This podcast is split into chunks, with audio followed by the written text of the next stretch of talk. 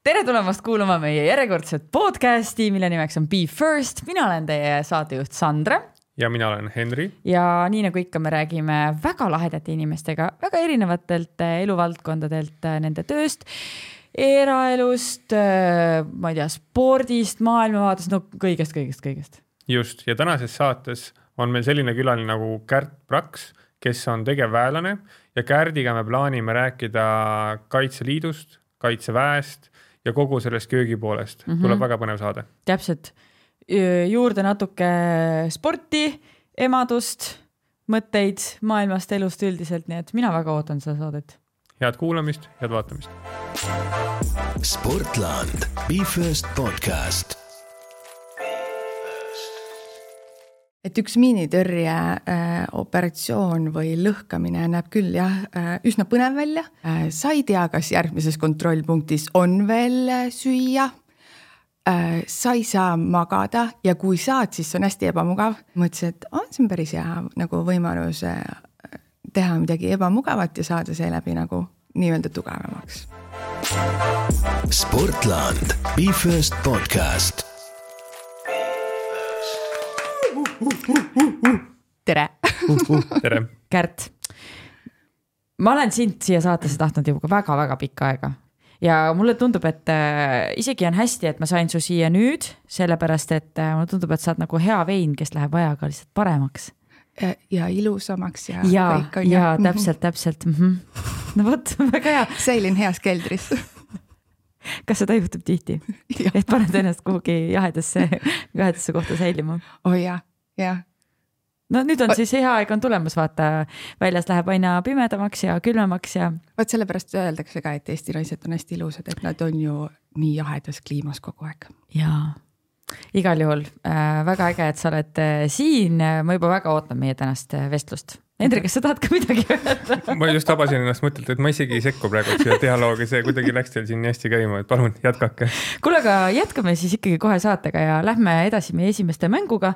kes meid esimest korda täna kuulavad-vaatavad, siis me alati kõiki, kõiki oma saateid alustame siis sellise mänguga, milleks on esimeste mäng. meie siis alustame lauset, sina lõpetad selle ja me räägime sinu esimestest. ja äkki Henri, sa tahad võtta esimese küsimuse? absoluutselt äh,, Kärt, sinu esimene päev kaitseväes täiega hästi mäletan. Nagu, nagu oleks eile olnud. ma arvan, et see oli mingi kümme aastat tagasi, ma olen numbrites nii kehv, aga no umbes suurusjärk kümme pluss aastat tagasi.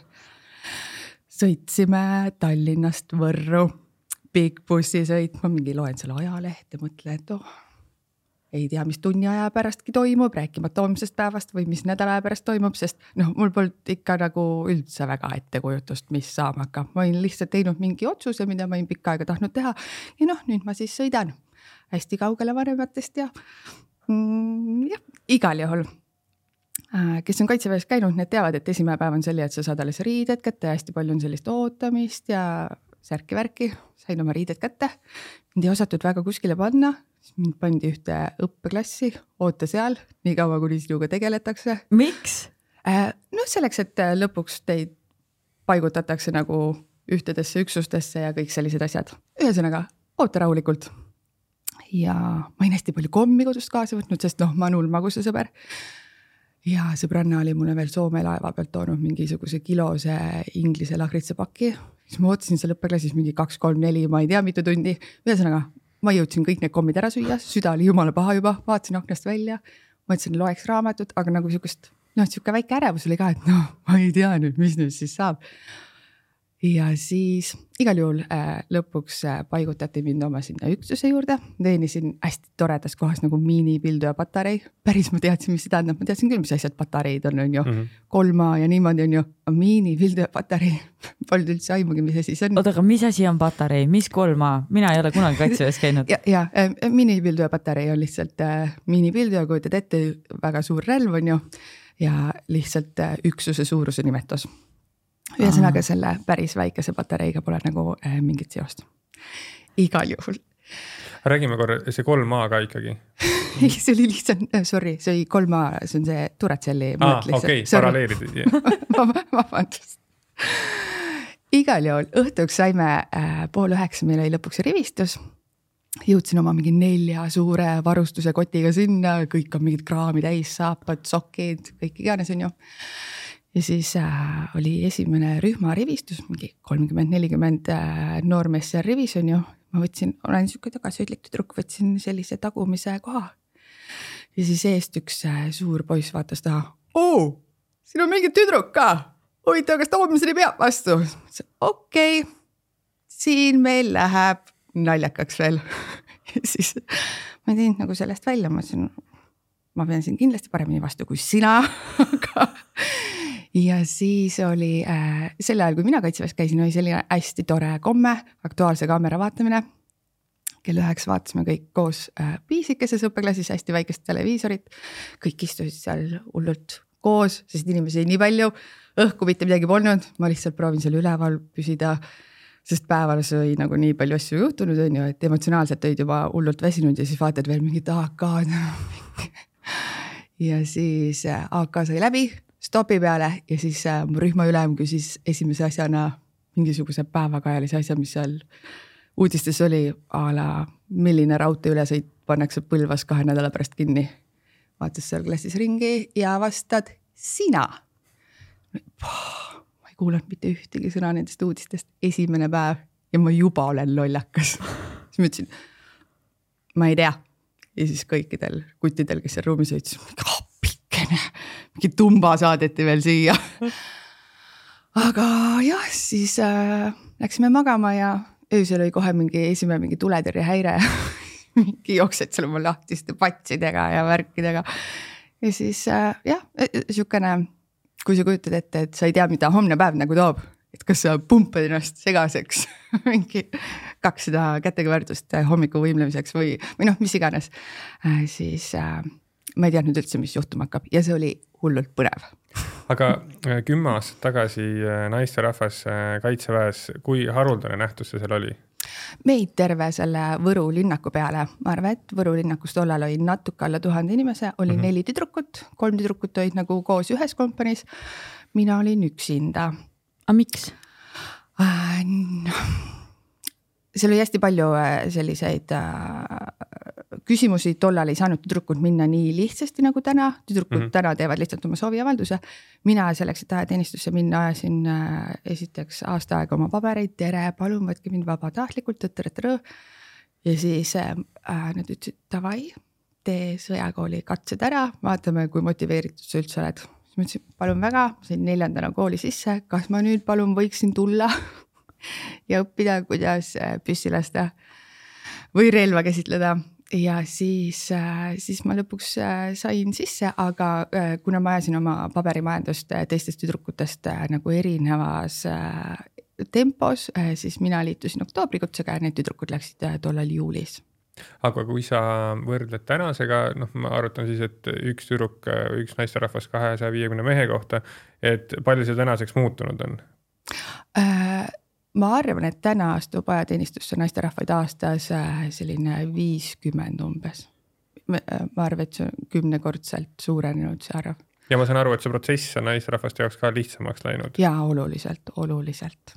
aga oled sa rääkinud nendega, kes on viimastel aastatel näiteks läinud, et miks nemad lähevad, kas see on kuidagi erinev sellest, miks sina läksid mm,? ma ei usu, ma arvan, et need väärtused on äh, hästi samad neil inimestel, kes tahavad ennast siduda Äh, sellise tööga. umbes sama, ma usun, et üsna samad põhjused, mis arstid lähevad õppima arstideks, nende soov on inimesi aidata, miks õpetajad lähevad õpetajateks, miks tuletõrjujad tahavad saada tuletõrjujateks ja nii edasi. kas äh, seda nojah, teist, teist viisi ei olegi ju, äh, sa pead käima Kaitseliidust või Kaitseväest läbi, alles siis sa saad mingisuguse sõjaväelise ametikoha endale, on ju? ja suures plaanis küll, et kui sa tahad ikkagi ennast siduda Äh, kaadrikaitseväelane tegevväelaseks olemiseks, äh, siis ajateenistus on selle aluseks. aga mis sa sellest arvad, et ähm, mehi ju kutsutakse ajateenistusse mm, -hmm. naisi ei kutsuta? kas me kunagi jõuame ka sellisesse hetke, kus kutsutakse nii mehi kui naisi ajateenistusse? see on ühiskonnas hästi palju arutletud debatt ja ma usun, et Eesti riigis, ma loodan, et me ei jõua sellesse hetke, seepärast et meeste nii väljalangemine kui kutsumine on nagu omajagu vähenenud ja ma loodan, et selle võrra äh, me ei hakka seda kompenseerima naiste arvelt, seepärast et seal on hästi palju erinevaid põhjuseid.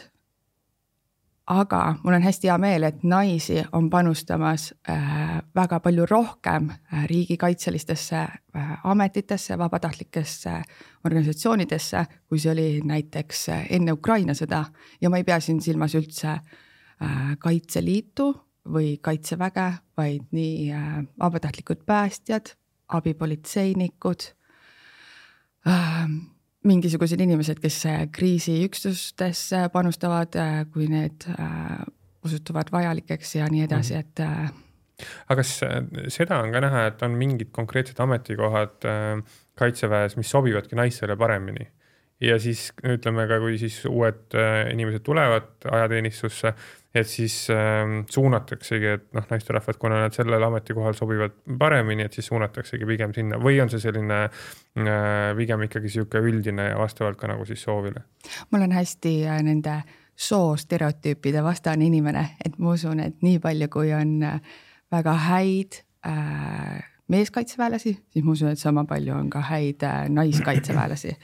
või et nii palju, kui on laisku logardeid meesterahvaid, siis täpselt sama protsendi me leiame tegelikult ju äh, naisi, kes mm -hmm. üleüldiselt äh, nagu lasevad elus nagu äh,. liugu. liugu, täpselt, see on hästi öeldud. et äh, küsi uuesti see küsimuse algus. et sobivus, kas on Aa, mingid jah. ametikohad ikkagi, mis äh, sobivad naisterahvastele paremini äh,? kuule äh, ma ei usu sellesse, sellepärast et meil täna on ju ka õhuväes äh, naisterahvaid, kes äh, äh, remondivad õhuvahendeid mm. -hmm. kes tunnevad mutrivõtit paremini kui, kui keskmine naisterahvas, et ma üldse ei usu ja naislaevamehaanikuid on ju olemas meil -hmm. et mm. -hmm et ma üldse ei usu sellesse sobivusse. no kindlasti naistel on mingi empaatiavõimet rohkem ja võib-olla nad on nagu paremad medõed, on ju aga samal ajal medõelt me ju ootame ka nagu äh, ka füüsilist vastupidavust ja me ei saa nagu, sinna nagu midagi teha, meesterahvastel on looduslikud eeldused lihtsalt füüsiliseks äh, tööks paremad mm. -hmm kas see sobib, kui me läheme praegu esimeste mänguga edasi ja siis räägime natukese aja pärast sellest, sel teemal edasi või me lihtsalt räägime selle praegu edasi. Henri, mis sina arvad? võime vahepeal küsida järgmise küsimuse. Davai, et siis saame selle sellise nagu eh, suure pildi ette sellest, et eh, millega tege tegeleb. no sina oled väga mm,, no sa oled ikka läbi lõhki spordiinimene ja mitte lihtsalt nagu liikumise inimene, aga spordiinimene, sul on ikka see võistlushing on sees. kas sa mäletad oma esimest võistlust, mille sa korraldasid? sest seda sa teed ka päris palju kusjuures vist ei mäleta, aga ma olen nagu terve elu kasvanud üles äh, võistluses, et äh, kui me olime väiksed, siis me tegime iga päev hommikuvõimlemist, noh suviti eriti seepärast, et siis ei olnud kooli.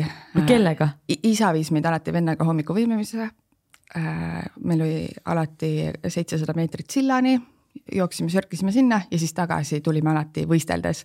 mingi moment sain äh, mina startida, äh, siis sai mu vend startida, sest ta oli kiirem ja isa tegi nagu alati sellised nagu äh, vahed, et nagu kõikidel on võimalik võita. ja, ja mu perekond on üldse hästi sportlik olnud, mõlemad vanemad olid enne üksteisega kokkusaamist liidu koondislased ja, ja me käisime me ei võistelnud väga palju, aga me käisime perega nagu hästi palju sportimas, iga pühapäev oli äh, äh, perekondlik ujumine. kõik startisid ühel ajal, isa ujus kaks kilomeetrit, ema ujus poolteist, lapsed ujusid kilomeetri, kes esimese lõpetab, saab esimesena sauna, et. et äh, ma arvan, et terve mu äh, lapsepõlv on olnud üks lahe võistlus kas sa kordagi ei tunnetanud, et ah oh,, ma ei taha seda teha või et, et mind sunnitakse seda tegema? mul pole küll seda kunagi olnud aga kas sa oskad sa öelda, miks see niimoodi on, sest paljudel lastel mulle tundub, et on. sest ma arvan, et mu vanemad, eriti isa, kes oli äh, minu ja mu venna treener ka äh,, judo treener, siis ma usun, et ta oskas seda teha nii lõbusaks, mänguliseks, ägedaks ja nii, et kellelegi ei jäänud kunagi kaotades nagu kehv tunne, vaid sa kaotusest äh, oskasid ka õppida midagi aga räägime natuke nendest võistlustest, mis laadi võistlused need on, mida sa täna korraldad? ma olen vabatahtlik äh, naiskodukaitsja ja, ja üsna palju ma panen äh, sinna oma aega ja, ja mulle meeldib teha spordivõistlusi. Reservohvitseridele äh, korraldame ka, näiteks järgmisel suvel tuleb hästi suur äh, reservohvitseride äh, võistlus Eestis, kus võisteldakse siis viiel erineval spordialal, ongi sõjaväeline viievõistlus mm. -hmm. ja mis seal, mis need alad on? äh, laskmine, kahte tüüpi laskmine, püstol ja automaat, takistusjooks, mis on selline äh, poolekilomeetrine takistusriba, takistusujumine, mis on viiskümmend meetrit erinevaid takistusi ujudes äh, ja vormiga koos on see ujumine siis. siis on seal veel äh, orienteerumine äh, ja erinevad kaardi tundmise harjutused aga laskmise puhul, kas see on selline, et olen tiirus ja lasen märki või seal on taktikaline liikumine ka juures? Äh, see on siiamaani olnud, ma olen äh, hästi pikki aastaid sellega seotud olnud, see on siiamaani olnud äh, selline täpilaskmine mm, Mhm. -hmm. ehk siis, et sa oledki nagu tiirus ja, ja oma väga mugaval positsioonil äh, proovid saada siis äh, maksimumtulemuse äh, sihtmärgis. me Eestis tahame teha seda natuke teistsuguseks, Eestis me tahame selle liikumiseks ja äh, liikuvaks ja taktikaliseks teha, Mm -hmm. aga arvestus käib siis punktide põhiselt jah? jah et igas alas sa saad siis vastavalt oma täpsusele või ajale saad mingi hulga punkte ja siis sellest tuleb koondtulemus. jah, täpselt sellised oskused, mida iga äh, nii sõdurist kuni ohvitserini vajavad oma, oma igapäevases töös, et aga kas see ülesehitus on selles mõttes standardiseeritud, et äh, see formaat iga aasta on sama, ehk Mm, siis need jah. punktiarvud on ka võrreldavad? jah, ja mis seal see sihuke rekordpunkti arv on, ma ei tea, pole aimugi. oota, aga ma saan aru, et äh, sa oled ise seal võistelnud ja sa oled võit-, võitnud seda ka või? Äh, mina ei, seda korraldatakse võistkonnana, kolm liiget on võistkonnas ja kui ma viimati kaks tuhat üheksateist siis toimus see ka Eestis, osalesin, siis me olime alles kuuendad naised. aga ise ma täna olen nagu tiimijuht ja viin nagu, viin tiime ja see aasta näiteks Eesti tüdrukud äh, panid selle väga pika puuga kinni. hästi tore oli see. oota, aga sa ütlesid, et sa oled ka Naiskodukaitses, korraldad seal mingisuguseid võistlusi, no minul on ka üks sõbranna, kes on Naiskodukaitses olnud ja ta ütles, ta on öelnud, et jaa, et Kärt on nii tubli, ta te, tegutseb seal kogu aeg, korraldab, aga samas ma olen saanud ka sellist nagu vibe'i tema poolt, ütleb, et tegelikult äh, naised on ikka väga kehvas seisus. Et nagu ei ole väga heas äh, vormis, et kuidas sa seda ise nagu kommenteeriksid või et äh, tead, ma arvan, et see on hästi palju nagu seotud äh, ühiskonna nagu suurema pildiga. et me ju tegelikult täna näeme ka seda, et äh, lapse, lasteaialapsed on juba nagu sellises vormis, et, et neil on kooli minnes juba kehalises kasvatuses keeruline ja ma arvan, et Sandra, sa oled seda võib-olla ise nagu veel rohkem näinud kui mina. kusjuures ei ole ja tead, minu jaoks see oli šokk, kui ma treeneriameti lõpetasin, sest et treenerina sa ju tead, sa oled ise ju, teed ju Nike Run Clubi, ma ei tea, kas sa praegu enam teed? teen ja. teed on ju, et meie juurde tulevad ikkagi inimesed, kes on väga heas vormis ja kes ise tahavad. ja kui ma läksin sellest mullist välja mm., siis mul oli niimoodi, et what mm, -hmm. mis siin toimub, kas kõik inimesed tahagi trenni teha või mm, -hmm. mis, mis värk on? Et lihtsalt vahemärkuseks ja te, noh, tegelikult päris kurb on ju, et kui sul läheb lasteaialaps kooli ja ta ei oska ühe jala peal hüpata, on ju. Võib-olla ta on terve elu nagu korteris elanud ja, ja siis äh, täiesti jälle vahemärkusena, et äh, eelmine nädalavahetus käisin ujulas ja siis äh, äh, lapsed, kaks tüdrukut mängisid sellist mängu, et viskasid äh, rõngaid vette mm. -hmm. ja siis sukeldusid neile järgi. Ja siis ütlesid, emme, mine ka ja siis äh, ema ütles, et ma ei taha, see on nii nõme mäng, ma ei taha sinna vee alla sukelduda. noh, kõige tavalisem lihtne ujula on ju meeter kaheksakümmend, üheksakümmend sügavust. et äh, läbi eeskujude me ju hullult palju õpime, eriti lapsed, kes jäljendavad täiesti oma vanemaid. et kui sul juba ema ütleb, et see on nõme mäng, ma ei taha sinna vee alla sukelduda, siis mm, nii kurb on ju. et äh, miks me peaksime ootama, et nagu rahvas üleüldse oleks terve, kui me ei suuda seda nagu isegi kodust nagu eeskujudena kaasa anda mm. -hmm. kuna sa oled äh, kaitseväes, siis stereotüüp on see, et äh, ilmselt su distsipliin on hästi paigas äh,. sellest lähtuvalt küsimus, et mis on esimene asi, mis sa hommikul teed? Eh, ma olen värske ema või ma olen aasta aega ema olnud ja enne seda äh, uni on mu jaoks nagu noh, ikkagi nagu väga püha tähtsusega. Ja enne seda, kui ma sain lapse, siis mul oli äratus viisteist minutit enne kodust väljumist, viieteist minutiga puder äh, hambad, riided, asjad kokku, minema, autoga sooja veel. ja, ja nüüd äh, ma pean täpsustama siin viisteist minutit. kas see tähendab seda, et sa ikkagi õhtul panid endale seal a la riided voodi kõrvale valmis ja puder oli juba, seal helbed olid kausis, et noh, viisteist minutit on ikkagi väga lühikene aeg. ei, ma ei ole selline nagu eriti valmispanija, sellepärast et noh, ikkagi naisterahvas on ju, võib-olla ma hommikul otsustan ümber, et äh, ma ei pane täna neid pükse, ma tahan hoopis teistsuguseid pükse panna mm. -hmm. ja, ja äh, ma arvan, et see on üks asi, mis ma olen teenistusest õppinud, et äh, ma tean täpselt, kus mu kõik asjad on, ma võin pudru keeta nagu kott pimedas köögis ja see tuleb ikka sama, mis hommikul valgusega tehtud, et et aga nüüd, kui mul on laps, kes äh, toimib siis äratuskellana, siis äh, enamasti äh, ma oma ööriideid enne kella kümmet ei, jah, kümmet hommikul ei vaheta, sellepärast et kogu hommikune möll käib nagu tema ümber mm.. Ja see on hästi lahe. hommikuti loeme raamatuid ja räägime, mis me unes nägime, no aastane laps väga palju ei räägi, aga ma räägin talle ise siis on ju. et äh, jah, praegu käib äh, kogu tempo tema ümber kas sa tunned, et äh, see värske emadus on sind äh, palju muutnud ka? Äh, ja otsast lõpuni hästi palju. ja kas, kas nagu noh, ma saan aru tegevuste mõttes kohe kindlasti ja mm -hmm. Henri saab ka kindlasti kommenteerida, Henri on ka üsna värske isa siin. et, et aga ka iseloomu mõttes. jaa, ma arvan küll, ma vist ei ole seda nagu liiga palju nagu täna analüüsinud iseenda jaoks, aga ma olen näinud nii palju külgi, mida ma ei oleks nagu ise arvanud kunagi, et ma olen, et ma suudan olla nagu äh, mõndades hetkedes superkannatlik, sest oma iseloomu poolest ma olen väga kärsitu ja mm. -hmm. kõike kohe, aga et nagu lapse puhul ma nagu noh meenub sulle mingi selline olukord, kus äh, oli selline ahelreaktsioon, et a la midagi kukkus põrandale ja siis on mähku täis ja veel kolmas ja neljas asi ja siis suutsid nagu kuidagi sellest olukorrast niimoodi rahulikult läbi tulla ja järjest kõik selle asja uuesti ära organiseerida äh, esimesed kuus kuud, iga päev. kakskümmend neli seitse. aga oli see sinu jaoks nagu, see oli vist oli väga suur muudatus sinu jaoks? mega.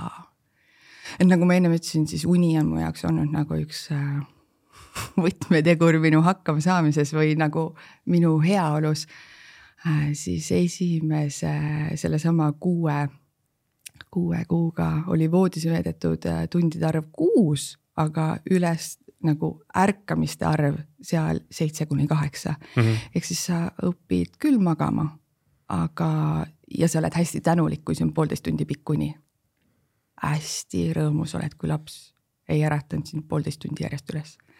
Et äh, oh, ja ka siin sa meil oled, funktsioneerid, väga särab, sõnad tulevad ladusalt välja ja kõik on hästi. on ju, et äh, see andis küll, et äh, kui kohanemisvõimelised on meie kehad naised mm -hmm. on selles mõttes vau ja isad ka, sest noh, nende roll ju ka oluliselt muutub. aga noh, kui sa kannad üheksa kuud last ja kõik see, et, et äh, inimkehad on vau. Aga emaks sa saades, kas sa tundsid ka seda, et jällegi nagu paralleele tuues siis kaitseväega, teie töö on ju väga füüsilist laadi on ju. ja noh, kohati ilmselt on ka selline, ma ei tea, kas vigastuste oht ja, ja ka mingit nagu sihukest riskivõtmist.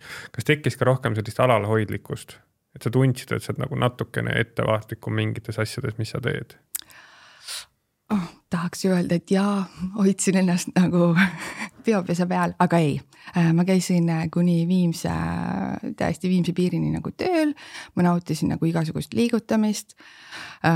mul viienda kuu lõpuks ei olnud veel väga näha, et ma olen lapseootel, olin lihtsalt mõnus, sihuke talvel hästi kogunud mm -hmm. ja tegin oma üldfüüsilist testi veel nagu äh, maksimumpunktidele ja, ja nagu suurt alalhoidlikkust äh, ma ei ole nagu äh, äh, sellepärast, et ma ju tean, et äh, kõik tegevused, mis ma nagu oma tööalaselt teen, ma olen mm -hmm. neid harjutanud nii palju kordi, et äh, seal ei tohiks ju tekkida ühtegi ohtlikku viga, sest ma olen treeninud selleks mm. -hmm. kas oli sul, oli sul mingit sellist hirmu ka, et äh, ma olen ikkagi noh, ma ei tea, kas ma võin niimoodi öelda, aga meeste maailmas, sest et mulle tundub, et see ikkagi on nagu rohkem justkui selline meeste maailm ja nüüd ma saan lapse ja ma justkui nagu jään mingitest asjadest maha või ilma. -hmm. kas sellist hirmu oli sul ka?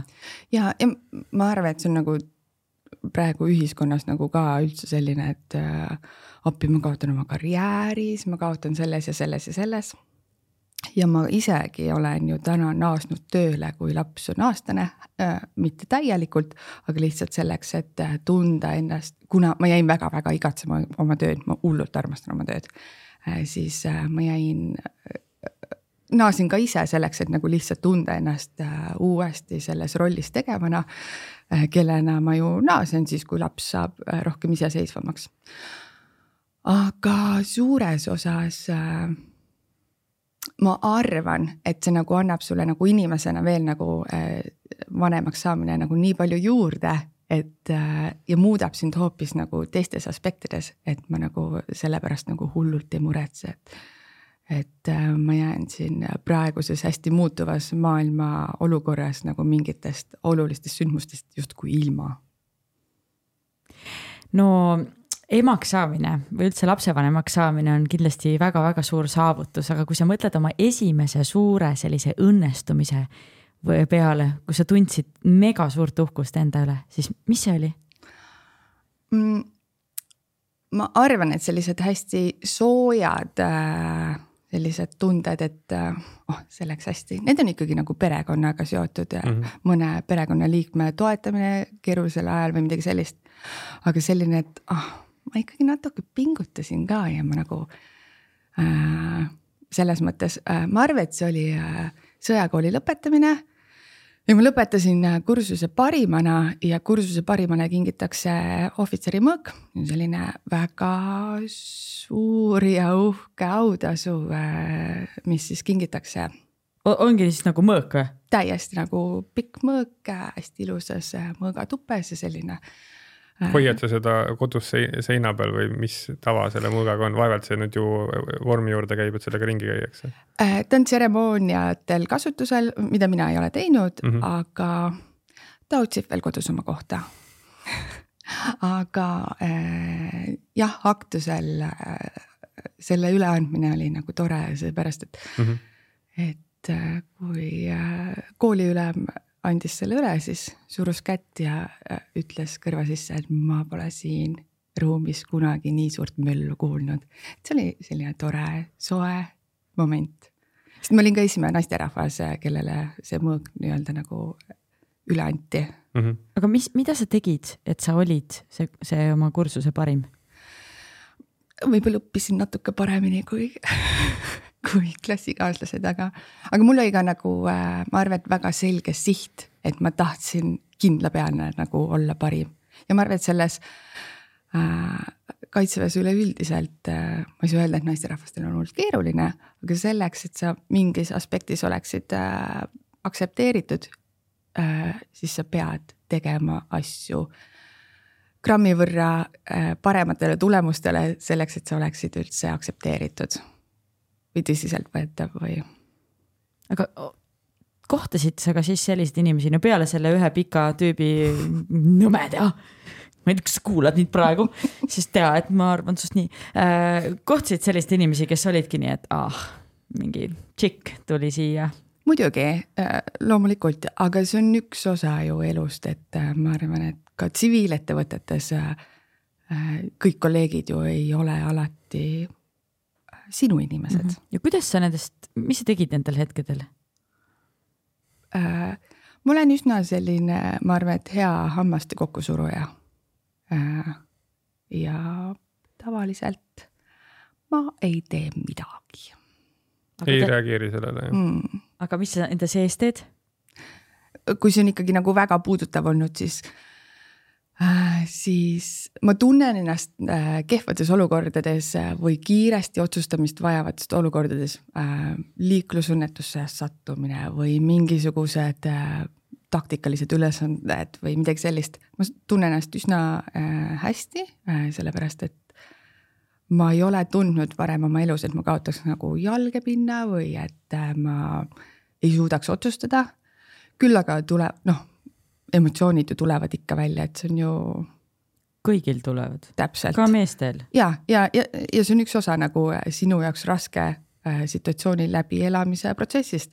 et äh, siis õhtul võib-olla oled veidi kurvem, aga kuna iga päev algab ju uuesti, siis hommikuks on ikka need asjad meelest läinud, nii et ma nagu ei ole äh, kehva meeleolu kaasaskandja kunagi olnud see minu arust see on ikka väga hea oskus, aga ka oskus ennast välja elada ja mm. lasta kõik need emotsioonid välja, et see on ka minu arust midagi, no see on nagu megaoskus minu arust. mu arust uni on nagu äge asi, teeb nagu täieliku restardi on ju mm. -hmm. kunagi Kaspar Taimsoo käis meil siin külas ja ütles, et uni on tugevatele või ta ütles, puhkus on tugevatele või uni on tugev, no ma ei mäleta, see on minule jäänud küll päris pikaks ajaks külge, nii et mm., et tõesti usun sellesse peab uskuma, jah ma küsin sellise otsekohese küsimuse, et kas sa pead oma tööd pigem äh, stressirohkeks või stressi, stressi maandavaks? Äh, ma arvan, et see on kindlasti stressirohke.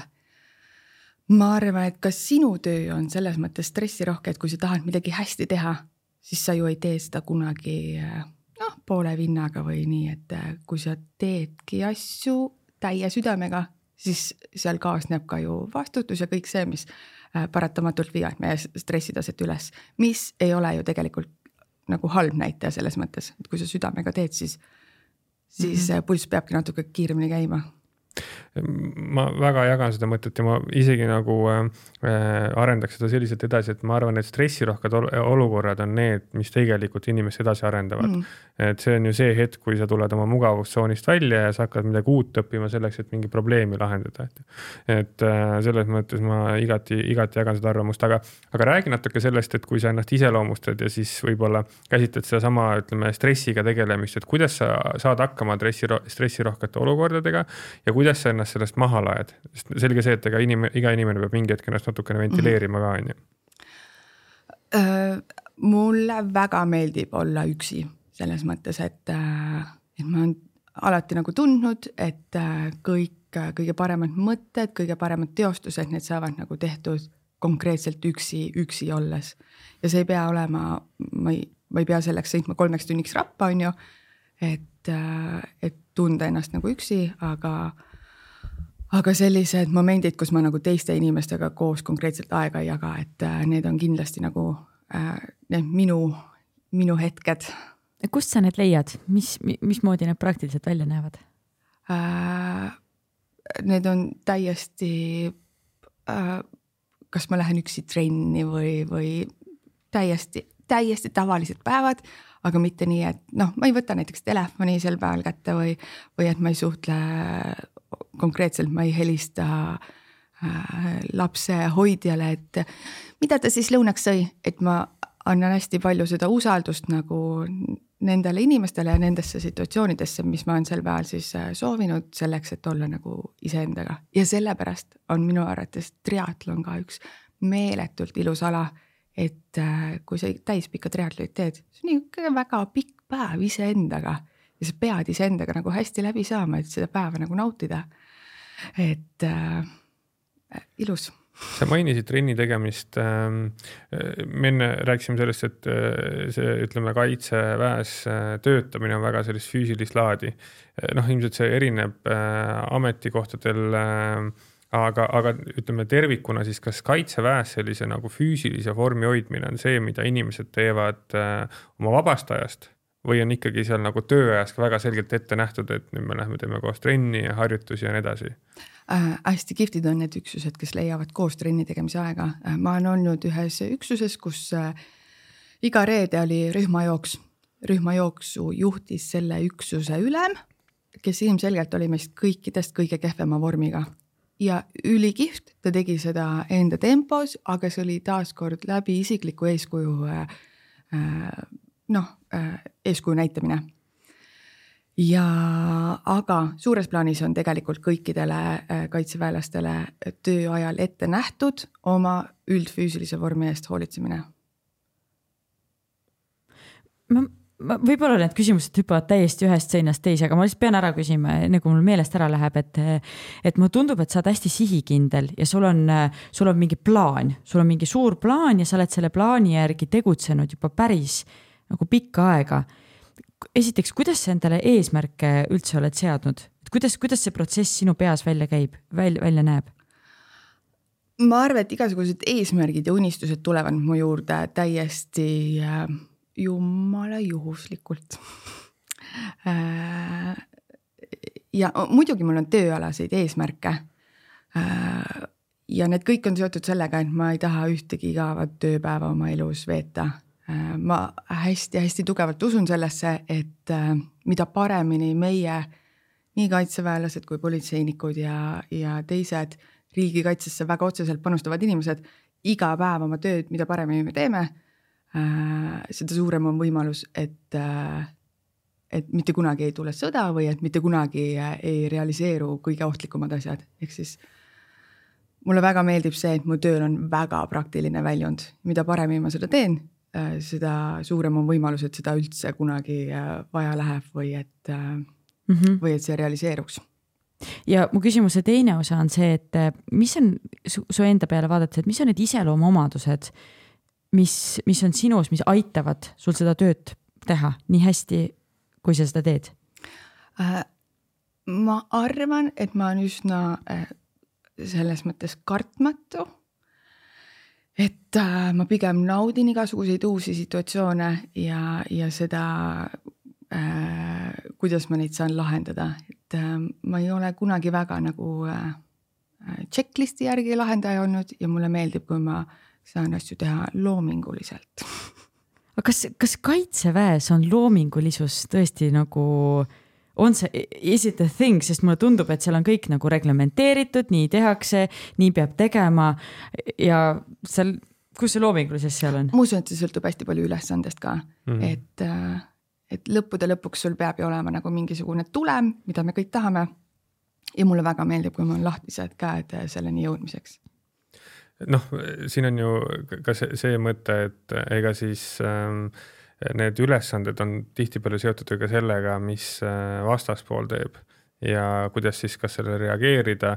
Äh, ja no kuna seal on see vastaspoole nii-öelda moment on sees siis äh, sa ei saa ju seda olukorda standardiseerida mm., sest et äh, noh, tema nii-öelda reaktsioon või plaan on ettearvamatu, on ju. et ma kujutan ette, et seal äh, ikkagi seal nendel, nendel inimestel, kes sellist taktikalist plaani teevad, peab olema see loomingulisus väga arvestatava koha peal, et sellest kuidagi siis hästi välja tulla, on ju. ja kindlasti annab ju kohanemine e-, uue või erineva situatsiooniga tegelikult suurema ellujäämise, et mm. -hmm no väga huvitav see, noh, kogu see teema on minust väga kaugelt, kaugelt mööda läinud, mina kaitseväes, sa oled käinud kaitseväes? mina ei ole käinud kaitseväes, aga ma astusin see aasta Kaitseliitu. Äh, meil on üks küsimus enne seda, kui me jõuame tööni ja siis ma tegelikult Tavai. lahkaks seda Kaitseliidu ja Kaitseväe teemat natukene põhjalikumalt. aga enne seda on selline küsimus, et ähm, mida sa pead enda elu kõige suuremaks saavutuseks äh,? täielik klišee, aga laps. Minu meelest see võib täiega klišee olla, ma ise arvan sama. Ja ma tahan siis uuesti, kunagi aastaid tagasi me rääkisime sellest klišeedest. miks klišeed on klišeed, sellepärast et need on mingid toimivad mõtteviisid või toimivad asjad, mis, mis lihtsalt nagu they work. Ja mm -hmm. miks siis öeldakse, et, et kuidagi, et klišeed on, klišeedele pannakse kuidagi negatiivne asi külge, et mina olen tiim klišee täiega ja minu arust see on väga äge ja Aga aitäh, et selle välja tõite. ma küsin siia ühe klišee küsimuse ka siis veel otsa, kui juba sellele rajale läks äh, sinu nii-öelda ootus äh, sellele perioodile, kui sa said lapse ehk siis enne sünnitust ja pärast sünnitust, et palju see nagu äh, paika pidas ja palju sul oli ikkagi sellist nagu väga palju uut, mida sa koos lapsega siis hakkasid õppima? ma ei teinud teadlikult väga palju ootusi, küll aga ma arvasin, et see on hästi tore aeg, hoian beebit süles, kõik naerame, ma pole kunagi ühtegi äh, asja Netflixist vaadanud, oh, ma vaatan Netflixi päeval, õhtul kirjutan oma, mul on magistritöö pooleli mm, -hmm. õhtul kirjutan oma magistritööd, nii mõnus, käime koos vannis, teeme kõik loomaaias, teisipäeval, kolmapäeval teatris. Uh! mitte midagi, ma esimesest kuust kuust ei mäleta mitte midagi lihtsalt must auk minu elust. ja e, e, noh, see oli lahe ka, e, täielik ellujäämiskursus ja täiega võrreldav ultrajooksuga selles mõttes. sa ei tea, kas järgmises kontrollpunktis on veel süüa. sa ei saa magada ja kui saad, siis see on hästi ebamugav. ja kogu aeg on raske, kogu aeg on uni, kogu aeg on nälg väga palju tuttavat tuleb siit, ma lihtsalt tooks ühe sellise näite veel, et ma olen sellise esimese kuue kuu kolmandiku peal alles, aga vahest, kui äh, annan naisele vaba õhtu ja olen siis äh, mõned tunnid poisiga, siis viieteist minuti jooksul jõuab nii palju juhtuda, et see on täitsa ebareaalne, ma jõuan tal kolm korda mähet vahetada, siis krooksutada ja samal ajal on juba põrand piima täis siis ta jõuab mind täis lasta, sest et kuna ta on nii pisikene, siis kuskilt sealt vahelt ikkagi tuleb nagu kõik läbi. see on täitsa uskumatu, et noh, üks asi, mis on kindel, et igav ei hakka. et kogu aeg on nagu sihuke toonus on kogu aeg mingi nagu tegevus on, tegevus on peal. ja, ja kui veider on see, et kui pikk võib olla üks öö ja kui lühike on olnud esimene aasta mm.. väga lahe aga lähme tööteemadega edasi. Ma, ma alustaks äh, sellise küsimusega, kuigi seda on nüüd siin äh, viimasel ajal, eriti kui see Ukraina sõda, Vene-Ukraina sõda on äh, toimunud, et on palju lahatud, aga siiski räägime korra kuulajale-vaatajale ära Kaitsevägi ja Kaitseliit, nende funktsioonid ja põhimõttelised erinevused. ja äh, suures plaanis valitsusala äh,, kaitseministeeriumi valitsusala äh, kaitsevägi, mis koolitab täna välja äh, kutse saanud noormehi ja vabatahtlikke tütarlapsi ja koolitab välja reservväge. kui meil ühel hetkel äh, peaks selleks tekkima vajadus. kaitseliit äh, igapäevaselt koondab vabatahtlikke riigikaitsehuvilisi mehi ja naisi. kaitseliidul on oma allorganisatsioonid, Naiskodukaitse, kuhu kuuluvad siis naisterahvad, kodutütred, noorkotkad. Need on siis alla kaheksateistaastased noormehed ja tütarlapsed. ja jah, suures plaanis ongi kõik. et äh, jah, et Kaitseliitu me saame kõik kuuluda ja, ja äh, Kaitsevägi siis äh, koolitab jah välja neid inimesi, kes kriisi või sõja ajal oleksid valmis mingeid kindlaid ülesandeid täitma ja see inimene, kes äh, mingil põhjusel ei ole siis ajateenistuses käinud, kas äh, soolisel põhjusel või siis äh, mingitel muudel põhjustel, aga soovib täna panustada riigikaitsesse, siis tema peaks alustama Kaitseliidust, nagu ma aru saan.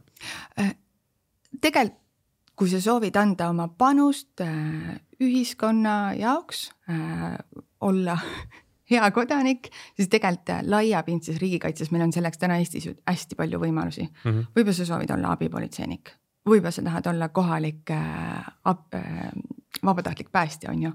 aga Kaitseliit äh,, Kaitseliidus sa leiad kindlasti oma koha äh,. võib, naisterahvad saavad niisamuti olla Kaitseliidus, võib-olla nad soovivad hoopis nagu mingit äh, militaarsemat ametikohta. võib-olla ma naisterahvana olen väga hea täpsuslaskur naised on ju väga head äh, kannatajad ja ootajad, on ju, et äh, võib-olla äh, tahabki harjutada seda, et ta ootabki äh, külmas talveilmas poolteist päeva ühe koha peal oma sihtmärki, on ju. ja sa treenidki selleks, et mis siis saab, kui sa sajadki lund täis ja sul on nii külm, et sa lihtsalt sulad maapinnaga ühte.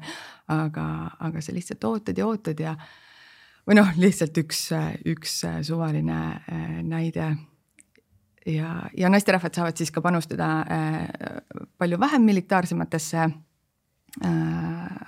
tegevustesse äh,, mida Naiskodukaitse siis pakub a la toitlustus või meditsiini tagamine või rahvastiku evakueerimine mingitest piirkondadest või midagi sellist. Oota, kui näiteks mina mõtleks praegu, tundus väga selline Äh, meelitav kogemus, et äh, olla täpsuslaskur, poolteist päeva istuda hanges ja mõtlen nüüd, et nii, ma nüüd tahaks selleks saada. kas, kas mul on see võimalus veel? loomulikult. aga mis ma siis tegema pean? liitu Kaitseliiduga. kaitseliiduga jah, okei okay.. aga ma ei pea kaitseväge läbi käima? ei pea, ei pea, ei pea. aga siiski liitudes Kaitseliiduga äh, tuleb ju läbi käia baaskursus. jah sul on omad kursused, mis sa pead nagu ikkagi selleks tegema, et aru saada, mida organisatsioon üleüldse teeb, kuidas sa jääd ellu, äh, kuidas sa oskad käsitleda erinevaid äh, noh, mis iganes relvi, kuidas oma varustuse eest hoolt kanda ja nii edasi, et, et selleks, et sa mm -hmm.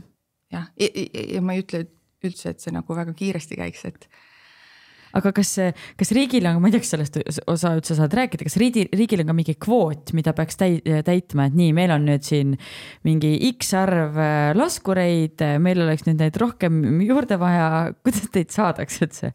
kampaania või? ja, ja hei laskur kas sinus on laskurit? ma tean ühte väga head värbajat, võib-olla ta, võib-olla ta tahaks kaitse, kaitseväkke tööle minna. kaitseliidule mõned värbamised teha aga, aga ja just ju lõppes üks suurimaid õppekogunemisi, mis Ussi sõnad siin mm. -hmm mis toimus just maakaitseringkondadele, Kaitseliidule et äh, loomulikult meil on nagu mingisugused kindlad äh, arvud, mille sees me suudame nagu opereerida. ja, ja Kaitseliidu puhul on need siis äh, piirkondlikud, ehk siis kui sa tunned äh,, lihtsalt tean, et Sandra on Lõuna-Eestist, on ju, kui sa tunned oma kuppelmaastikku seal väga-väga hästi, on ju, tead, kuhu kohta oma nende kamraadidega kõige paremad varitsused püsti panna. Vau, meil on väga vaja sind et äh, need on jah äh, piirkondade põhised ja, ja koondavad siis inimesi, kes on siis äh, ühest piirkonnast tunnevad seda väga hästi, tunnevad neid olusid, tunnevad neid elanikke. selles mõttes on see oluline, ma küsin neid küsimusi selles valguses, et äh, ega selline nagu äh, kodanikualgatus riigikaitses mm -hmm. on oluline yeah. ja need inimesed, kes võib-olla siin kaaluvad, et kas astuda näiteks Kaitseliitu või kuidas sellesse panustada, et neil oleks mingi arusaam, et mis see sisuline osa on mm. -hmm. ka see, et nüüd, kui ma astun Kaitseliitu ja peaks tekkima sõjaline konflikt, et, et mis see minu roll siis selle mm -hmm. juures on, et ma arvan, see on jumala hea näide, et äh, ikkagi rindele läheb kaitsevägi mm -hmm. ja Kaitseliidus need inimesed ju jagunevad malevatesse, on ju. Mhm. ja siis vastavalt sellesse malevasse, kus sa kuulud, seal sina tunned seda maa-ala ja seal sa ka toimetad, et, et see ei tähenda tingimata, et nüüd kaitseliitlane siis satub kohe rindele konflikti, on ju. et äh, ja kõige suurem erinevus siis äh, sellega, et kui sina astud täna Kaitseliitu, siis see ei tähenda seda, et äh, et sõja esimesel päeval äh, Sandra võtab oma seljakoti ja läheb äh, Narva sillale oma automaadiga, äh, vaid seda, et suures plaanis sina jääd oma Rõuge piirkonda. ja, ja kui seal peaks tekkima nagu mingisugune olukord, siis sa tead kõige paremini neid kohalikke olusid või neid inimesi seal, kelle abi peaks vaja olema, et täna, kui kaitseliitlaja koolitatakse välja äh, saamaks mingisuguseid oskusi, siis see ei tähenda seda, et äh, tema on esimene, kes saadetakse äh, konkreetselt otse konflikti mm. -hmm. Hendrik, kas sa tahad selle teema kohta veel midagi küsida? mul üks küsimus veel on jah, et kui ma astun Kaitseliitu, siis ma saan aru, et seal antakse mingi varustus, on ju, mina olen astunud Kaitseliitu, aga me ei ole veel selleni jõudnud, see baaskursus vist hakkab jaanuaris, nagu ma aru sain. et inimene saab mingi varustuse, lisaks relva, mida siis õppustel kasutada. kas äh, see varustus ja see relv, ma ei tea, palju sa seda üldse tead, aga kas see on äh, nii-öelda inimese põhine või on see selline jagatav, et äh, vastavalt nii, nagu mingis olukorras vaja läheb? kogu su varustus, mis sa saad, sa saad selle täielikult enda järgi kohandada, oma seljakoti sa timmid ka viimse sentimeetrini vastavalt enda parameetritele mm. -hmm ja oma relva sa lased ka täpselt äh, niimoodi sisse, et sa ei eksi sellega laskes, lastes äh, mitte ühtegi sentimeetrit paremale-vasakule üles-alla mm, -hmm. et sinu varustus on äh, sinu individuaalne varustus ja täna äh, varustus, mida me Kaitseväes ja Kaitseliidus kasutame, on väga hea aga kus neid hoiustatakse, sest me ei vii ju seda koju endale? Henri viib küll selle omal koju. relva ka või?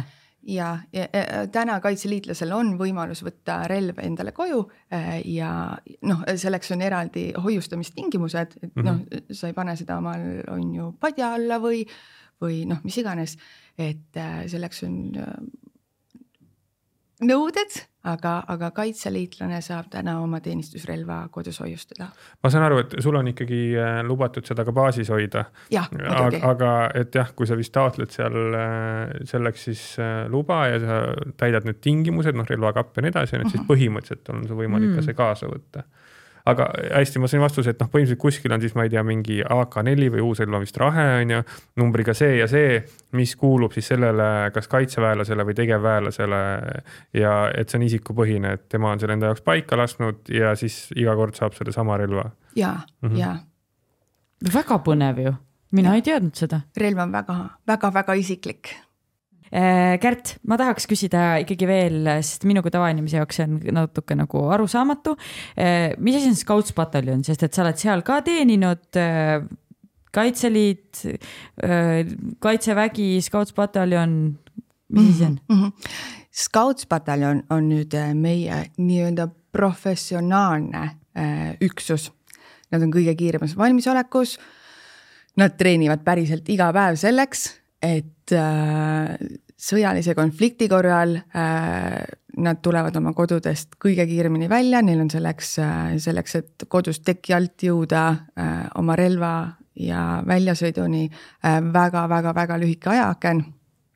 ja, ja nemad on jah, meie üksus, kes konkreetselt käib ka missioonikogemusi saamas ja, ja panustavad siis ka erinevatesse NATO äh, nii-öelda nõuetesse ja mm, -hmm. ja, ja ootustesse, mida meilt riigina oodatakse. ja kui kaua sa seal teenisid?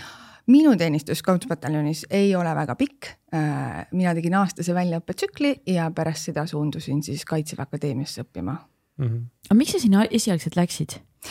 pärast ajateenistust ma ei olnud üldse nii enesekindel, et ma julgeks minna päriselt äh, kohe sõjakooli õppima. et mul on tunne, et ma pean natuke veel rohkem sõdurimaks saama mm -hmm. ja, ja, ja kuidagi oma taktikalist oskust äh, oluliselt lihvima, äh, mitte oskust, aga tegelikult mõtlemist oluliselt rohkem. ja, ja see oli põhjus, miks mina liitusin Scoutspataljooniga. ja, ja jah, tõeliselt äh, professionaalsed inimesed ja, ja täie südamega eh, sõdurid selles mõttes, et eh, oma sõdurioskustes kindlasti kõige professionaalsem üksus Eestis. aga mis see sulle inimesena andis? oskused üks on üks mm -hmm. asi, on ju, sealt kindlasti õppisid neid, aga, aga mis, mis see Kärdi juures muutus? ma arvan, et iga selline asi on andnud omajagu nagu enesekindlust juurde. tulin, nägin, sain hakkama, võib-olla isegi, et sain hästi hakkama ja, ja julgen siit nagu edasi minna kogemuse võrra rikkamana mm. -hmm meil on vist minu meelest üks äh, oluline küsimus küsimata. kaitseväes on ju ka erinevad auastmed mm. -hmm. mis sinu auaste on? mina olen praegu leitnant ja ühel päeval, ma loodan, et üsna õige pea on see juba natukese kõrgemale muutumas. oota nüüd, mis see on leitnant, mis seal üleval on, palju neid on veel? Oi, sinna on veel pikk-pikk-pikk tee minna, ennem kui seesama lagi vastu võib tulla. kõige, äh. kõige ülemine positsioon on ju äh, siis äh, kindral. Herem on ju mm. -hmm, ja, ja kindral Martin Herem on mm -hmm. meie mhm. kõigi suur, suur mm -hmm. boss.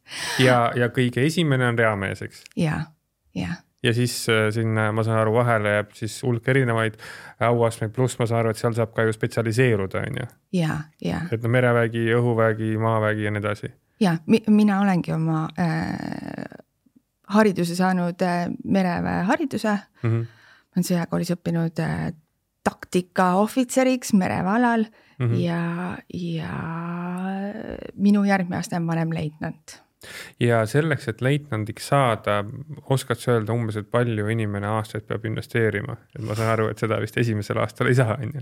Henri, kas see on asking for a friend praegu või leitnandiks äh, sa saad kas siis läbi äh,, see on siis äh, noorem leitnant on esimene ohvitseri auaste mm. -hmm.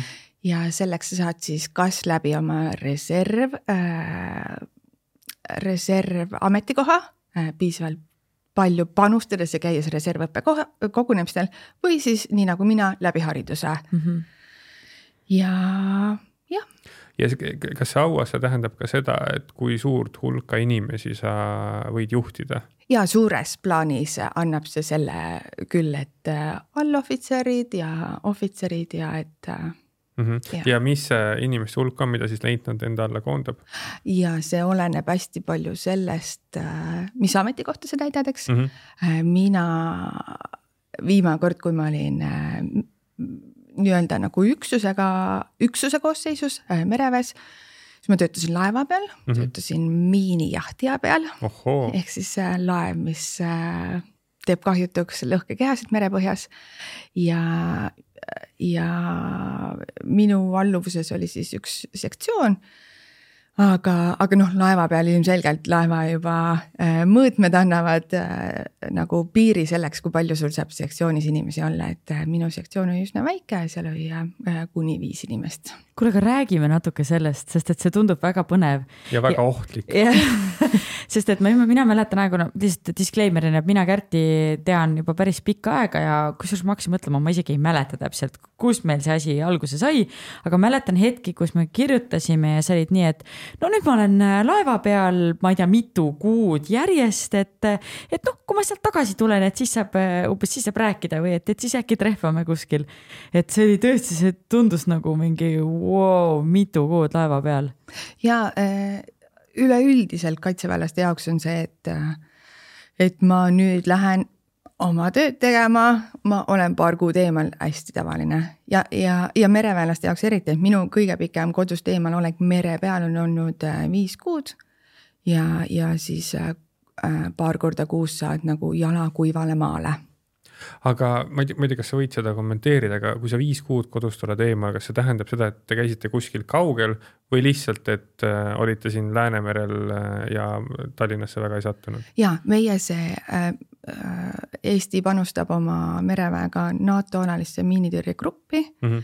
ning äh, see tähendab seda, et on grupp NATO laevu peamiselt siis Lääne- ja Põhjamerel Mm -hmm. kes siis kogu aeg tegelevad sellega, et mereteed oleks vabad ja, ja äh, teevad kahjutuks ka äh, noh, Eesti ja siin Läänemere puhul eriti siis merepõhja.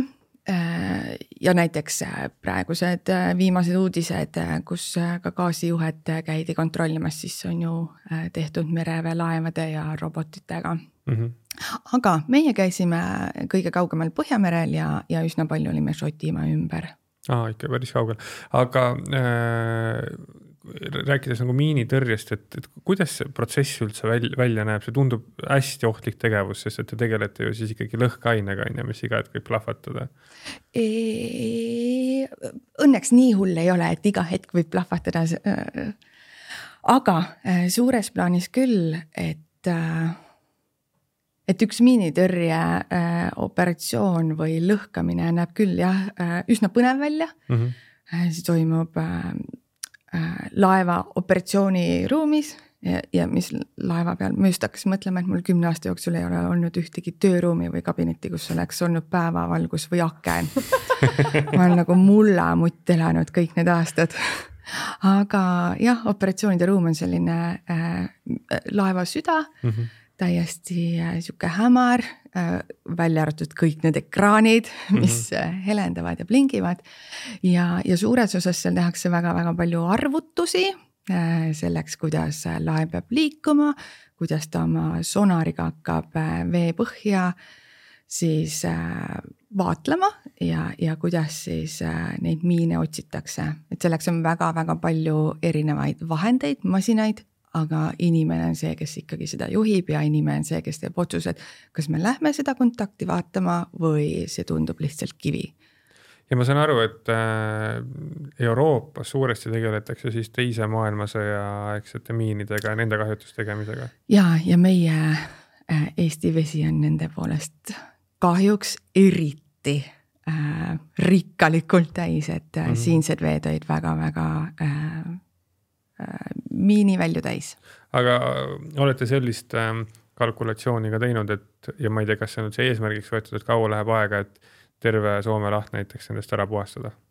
ma ei usu, et minu laps jõuaks sellega oma elu lõpus äh, teht- äh,, et see, et meri saaks puhtaks mm. -hmm. loomulikult aja jooksul need ju äh, mm, lähevad äh, kahjutumaks. niiskuse tõttu? Jah, ja, ja, mm -hmm. ja erinevad noh, protsessid, mis vee põhjas on ju toimuvad. aga sellegipoolest, et äh, kui ühe miini äh, heiskamine äh, veepõhja võtab aega maksimaalselt mõned minutid, siis selle kahjutuks tegemine mm. -hmm. võib võtta pool päeva või rohkem kuidas, see on nii põnev, see on nii põnev. just aitäh, et sa selle küsimuse ära küsisid, ma tahtsin küsida mingi rumala tsiviilisiku küsimuse, et kuidas ei nad sinna selliseid, saavad? ei ole selliseid aga küsimusi. aga kas praegusel hetkel, kas seal on uusi miine ka olnud või? ei äh,, ei seda ju, see ei ole võimalik, on ja ju?, ja kõik need miinid, mis on, nad on äh, merepõhjas, et kuskil ei ulbi enam ühtegi miini. ei, need, mis meil täna on ikkagi nagu, mida me kahjutuks teeme, siis need on ikkagi merepõhja kas vajunud mm Mhm. -hmm. seepärast, et äh, nad on nagu oma ankruga siis äh, kas vee äh, keskkonnas hõljuvad mm -hmm. või Mhm. siis äh, nad juba ongi põhjamiinidena tehtud. oota, vee keskosas hõljuvad? Äh, jah, sest neid miinitüüpe on ju ka hästi palju erinevaid äh, ja see. teise maailmasõja ajast? Äh, jah, suur osa nendest on tegelikult ikkagi nagu veepõhja vajunud, seepärast et need ketid või ankrud, et need on siis nagu katki läinud. küll aga tema nagu äh, toime on endiselt nagu äh,. Kui keegi peaks sinna oma ankru valesse kohta näiteks äh, ankurdama, et siis äh, see võib olla ohtlik aga on juhtunud ka sellist olukorda siis? tead, sel ajal, kui mina olen tööl olnud, siis ei ole juhtunud, et keegi täpselt oleks äh, midagi kehvasti. aga muus osas see merepõhja puhastamine, kas see on midagi, mis on siis kaitseväel selline süsteemne töö, et on teada, et on mingid, ma ei tea, vanad kaardid, mille järgi siis käiakse järjest niimoodi, üritatakse seda põhja puhastada. või on see pigem nagu mingi sellise lokatsioonipõhine, et mis on sellised kriitilisemad piirkonnad näiteks? ja äh, selleks on kindlasti mingisugused äh, mereteed, mida me hoiame siis äh, noh, näiteks tihedamini sõidetavad mereteed, mida hoitakse siis nagu kogu aeg korras ja mida mm -hmm. pidevalt siis vaadeldakse ja. ja ma pean ütlema, et see nii-öelda nagu meretee vaatamine, oh see on paljudel poistel, kellele meeldib äh, nagu parkimine, neile kindlasti meeldib see mm. -hmm. aga ma pean ütlema, et mina ei ole kunagi olnud väga hea äh,, sellepärast et selle ühe kontakti vaatamine äh, robotiga äh, tähendab seda, et sa pead seisma väga kindlas positsioonis oma peaaegu viiekümne meetrise laevaga, millel on tuulepind ja kõik ja sa tohid liikuda äh, siis alla kümne meetri ühe koha peal mm -hmm. noh, kujutad ette, et sa sätid tuult, lainet, hoovust, kõike seda nii, et su viiekümne meetrine laev liigub äh, ühe koha peal maksimaalselt kümme meetrit, et äh, oota, aga seda sa kõike ei õppinud Eestis, sa käisid välismaal ka õppimas? äh, laeva konkreetset juhtimist me õpime ikkagi Eestis mm, -hmm. aga ma olen välismaal õppinud ja allvee, suures osas allveeakustikat ja, ja seda, kuidas jah, operatsioonide ohvitser oma tööd teeb ja. räägi sellest natuke. ma arvan, et see on kindlasti kõige raskem õping üldse minu jaoks olnud, seepärast et füüsika ja matemaatika, ma olen alati hullult nagu vältinud neid Mhm, asju mm, -hmm. sest noh, kui ma oskan poes arvutada, siis mida rohkem mul läheb vaja. aga, aga vahel on sellised asjad, mida sa siis äh, oma teekonnal lihtsalt pead ära tegema. tuleb ära teha ja, ja ei ole midagi teha hommikusööki tuleb süüa selleks, et sa lõunani oleksid normaalne inimene mm. -hmm. ja, ja siis äh, ma olen Belgias õppinud ja mõned kuud, äh, kuidas vee all igasuguseid äh, arvutusi teha ja kuidas heli levib vees ja uh. aga saan ma õigesti aru, et nende vanade miinide kahjust, kahjutuks tegemine, et selle suurest on ikkagi üks lähenemine, et nad ikkagi õhitakse siis mingi hetk mingi laenguga ja me kasutame, selleks on suures plaanis kas salverobotid või siis tuukrid mm, -hmm. aga noh. tuukreid? Tuukrid, meil on, meil on Eestis nii laevatuukrid kui siis miinituukrid. inimesed? täiesti inimesed, tugevad, sürged Eesti mehed, kes sukelduvad siis äh, rohkem kui äh, rohkem kui vaja mm, -hmm. kes sukelduvad ikkagi mitu-mitu-mitu korda Kalevi Kalevi ujula sügavus, kes käivad siis vee all neid ohutuks tegemas. No tsiviilisikud vist võivad sukelduda minu meelest neljakümne meetri peale, mul on isegi mingid paberid kunagisest mm. ajast, aga ma saan aru, et nemad siis lähevad ikkagi oluliselt sügavamale ja. Nende võimekus on natuke rohkem küll jah mm. -hmm. aga kuidas see õhkimine välja näeb, kas sa näed ve- vee pinnalt ka, et nüüd miin õhiti ja kas siis ma ei tea, vett purskab või, või oi tummärger kommer. ja, ja see on päris lahe on ju? ja see on päris kihvt ja kuidas sa saad äh,. Tavaliselt need õhkamised on ikkagi ägedad, kellele ei Mhm. meeldiks suured mm. -hmm. ilutulestik või suured äh,. mullid. aga kui, kui palju seda su töös ette tuli, et kas see on selline, et ma ei tea, kakskümmend miini päevas või see on sihuke, et paar Oo,, paar korda kuus Äh, see on pigem paar korda kuus mm. -hmm. see on äh,, miinijahtimine on hästi-hästi aeglane sõjapidamine, kui seda saab mm. -hmm. niimoodi öelda mm? -hmm.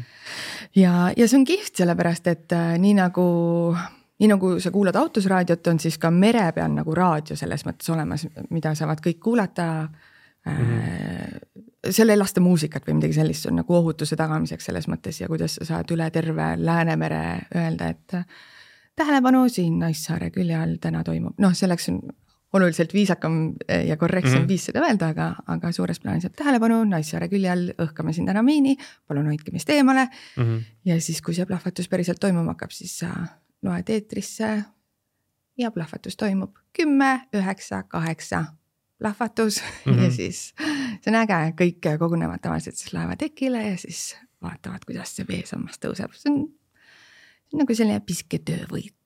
sa mainisid miini jahtimine, et see on sihuke ajakulukas. kas ajakulukas on selle miini leidmine või pärast see tegevus, et sinna see laeng viia ja siis õhata, et äh, mõlemad mm? -hmm. mm. -hmm. ei ole siis äh, ütleme sellist tehnikat, mis ma ei tea, Kaja Lood on vist selle asja nimi, mis näitab sulle, et noh, siin viiekümne kilomeetri raadiuses on seal nagu viiskümmend seitse miini.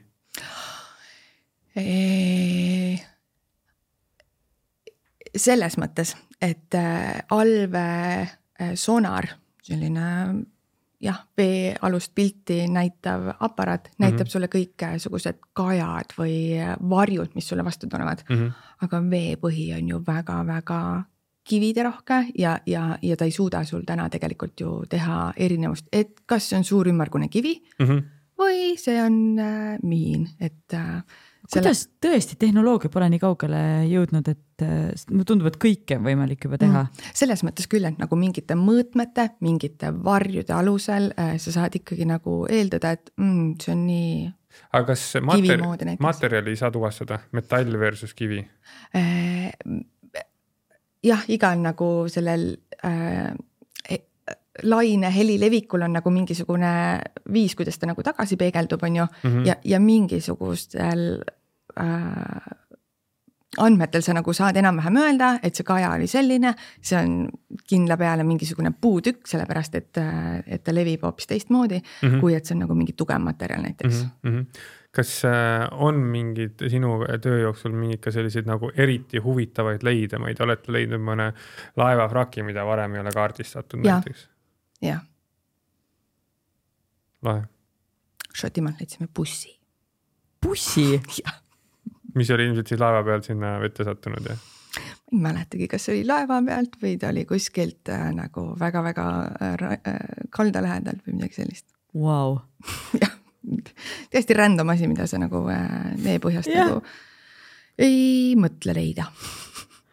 Okei okay,, see kõik on nii, see kõik on nii põnev, kas Henri, sa tahad selle kohta midagi küsida või me võime varsti sporditeemade juurde? oleks veel palju küsida, aga lähme, ma arvan, spordi juurde, sest muidu meil siin saab see salvestusaeg otsa ja järgmine ka.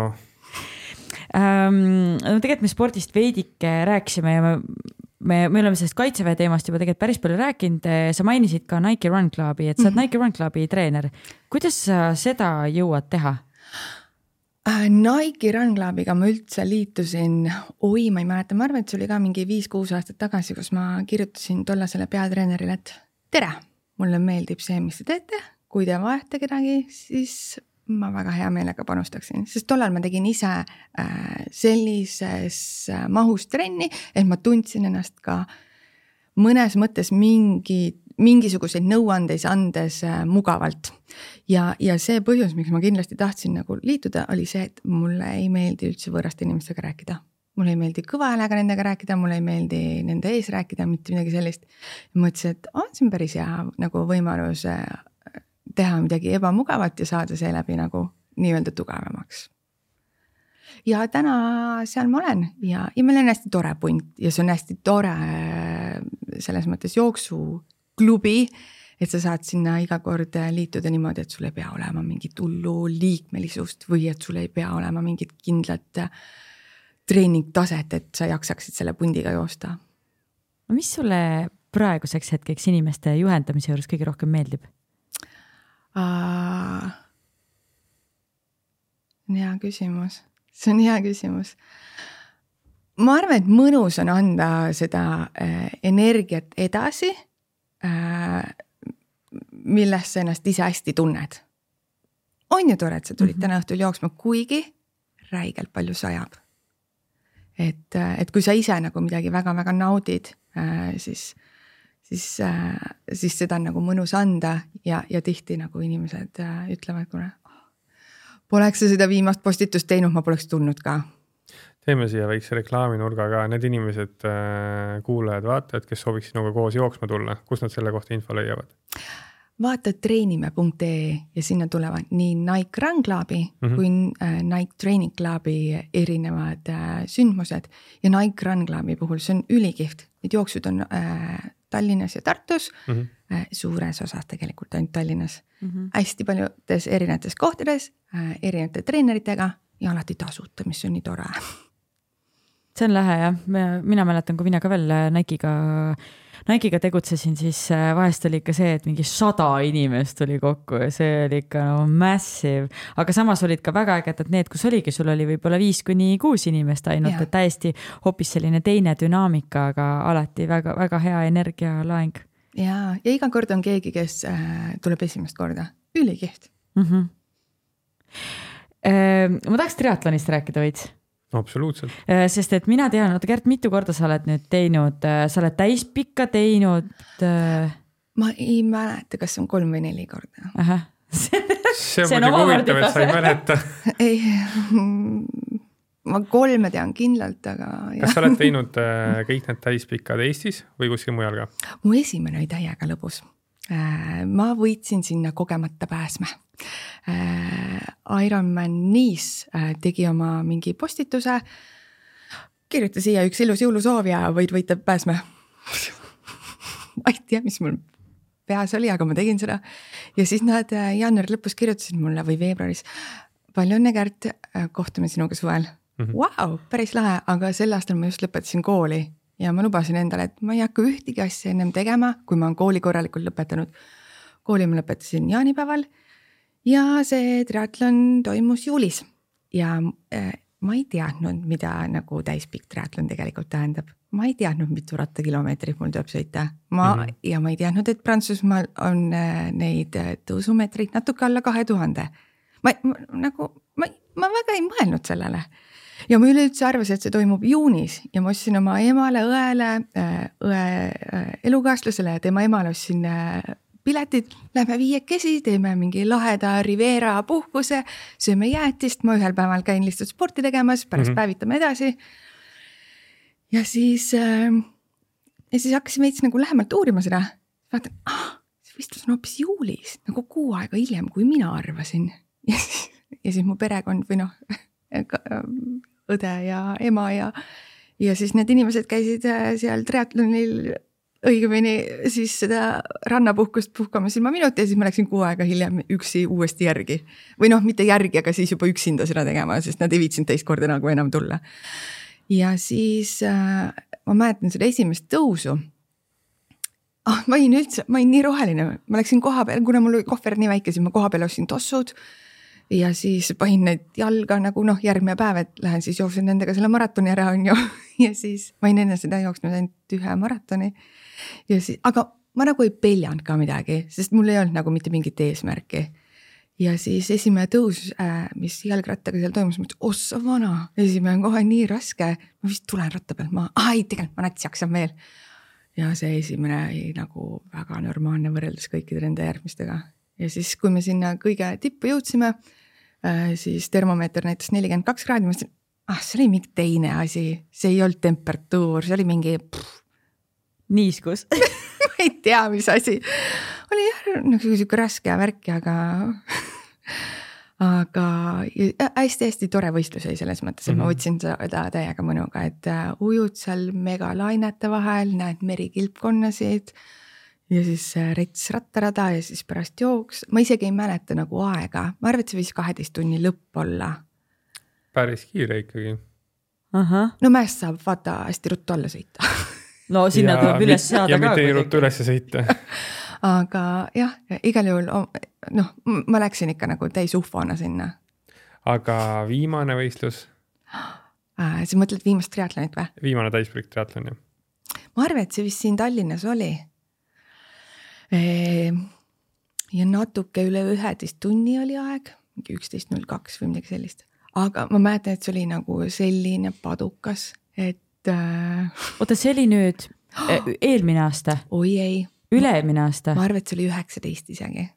ma olen vahepeal hästi mitu see aastat oli üks jäänud. esimesi järelikult, kas esi- äh, või teine äkki. või teine jah? sest seda ma mäletan, see, aga see oli siis ju Noblessneris on ju? Ja, ja, ja.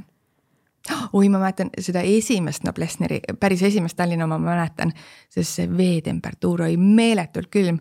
ujusin ka ise seal, on ju, see oli jah, ja seal oli vist kas äh, kakskümmend, kolmkümmend inimest ju, kes pärast seal ta- taht-, noh, kellel oli ikka abi Jah. vaja anda, et see oli kolmteist kraadi oli veetemperatuur minu meelest või, või oli viisteist, aga iga- ühesõnaga tõesti oli jahe. ma mäletan, et kui ma selle nagu ära ujusin, see oli, toimus veel seal äh, mereväe akvatooriumis mm, mm. -hmm. Mõnus sihuke selle äh, laeva kütuse äh, loikudes seal mm. -hmm. no nii hull ka ei olnud, aga noh, ikkagi see oli nagu tuntav ja, ja ma mäletan, et ma olin nii läbi külmunud, et kui ma lõpuks sinna äh, slipile jõudsin, kus nagu hakkasid vahetusalasse minema, jalad lihtsalt ei töötanud, laks mm. -hmm. kõhuli maha ja nagu noh, ma nagu tundsin ennast nagu hästi, aga keha lihtsalt ei töötanud. miks ma siin kõhuli ninani maas olen aga see oli külm, Mm -hmm. aga mis seal oli huvitav tol päeval oli see, et õhutemperatuur oli ju väga soe. jah, kui veest välja tuli, mis minu meelest oli kas mingi kakskümmend kuus, kakskümmend seitse kraadi, et see hetk, kui see kalipso lukk lahti teha ja sealt nagu õlad paljaks võtta, siis oli sihuke nagu sooja õhupahvakas tuli vastu. et see oli, oli väga lahe, aga oli jahe jah, ja mis oli veel huvitav, see, et äh, mina tegin tookord meeskondlikku ja ma ei mäleta, kuidas individuaalil oli, aga meeskondlikul oli niimoodi, et ei olnud mitte sealt nagu äh, kai pealt start, vaid oli veestart mm.. nii et meid kupatati kõigepealt vette ja me saime seal ulpida rahulikult paar minutit ja no see jahutas ikka täiega maha ja siis me hakkasime püüdma neid individuaali omasid, sest et noh, sa ju teed ainult ühte ala, onju. aga see oli tõesti jahe ujumine, ma mäletan, et ma panin kaks seda ujumismütsi pähe mm, -hmm. sinna peale tõmbasin selle äh, neopreenist mütsi, mis käib lõua alt kinni äh,, kindad, sussid, kusjuures Eestis oli see susside defitsiit, mitte kellelgi ei olnud neid ujumissusse müüa ja siis igalt poolt laenati neid äh, purjelauasusse ja asju. Ma mäletan jah eelmisel õhtul seda, kuidas Facebookis läks lahti, kas kellelgi ei ole laenata, et inimesed olid tõesti nagu mures ka sellepärast, et äh, põhjusega. jah, Mm -hmm. aga vot sellised situatsioonid annavad jälle nagu äh, sellist mõnusat enesetunnet. ujusin ära selle kolmeteist, neljateist, viieteist kraadiga see neli pluss kilomeetrit on ju. okei okay,, no neli miinus kilomeetrit, ma mäletan, et mul endal tuli neli koma kaks täis. kusjuures enamustel tuleb ikkagi sinna nelja kanti, et noh, sa pead Marko Albert olema, et sa nii sirgelt selle kolm koma kaheksa suudad ära ujuda, mul tuli ka neli koma midagi seal natukene peale. et ikkagi nagu sinka-vonka ja noh, mingi väike hoovus on ka tegelikult on ju, et see kõik mõjutab su seda distantsi. oota, aga miks sa teed seda? Äh, mida täpselt? triatlone. miks, miks sa seda teinud oled? ja äh, ma olin terve kooliaja äh, judot teinud, vahepeal natuke maadlust äh, nii pulli pärast on ju ja siis äh, ja mul keskkooli ajaks sai sellest ikka täitsa küll.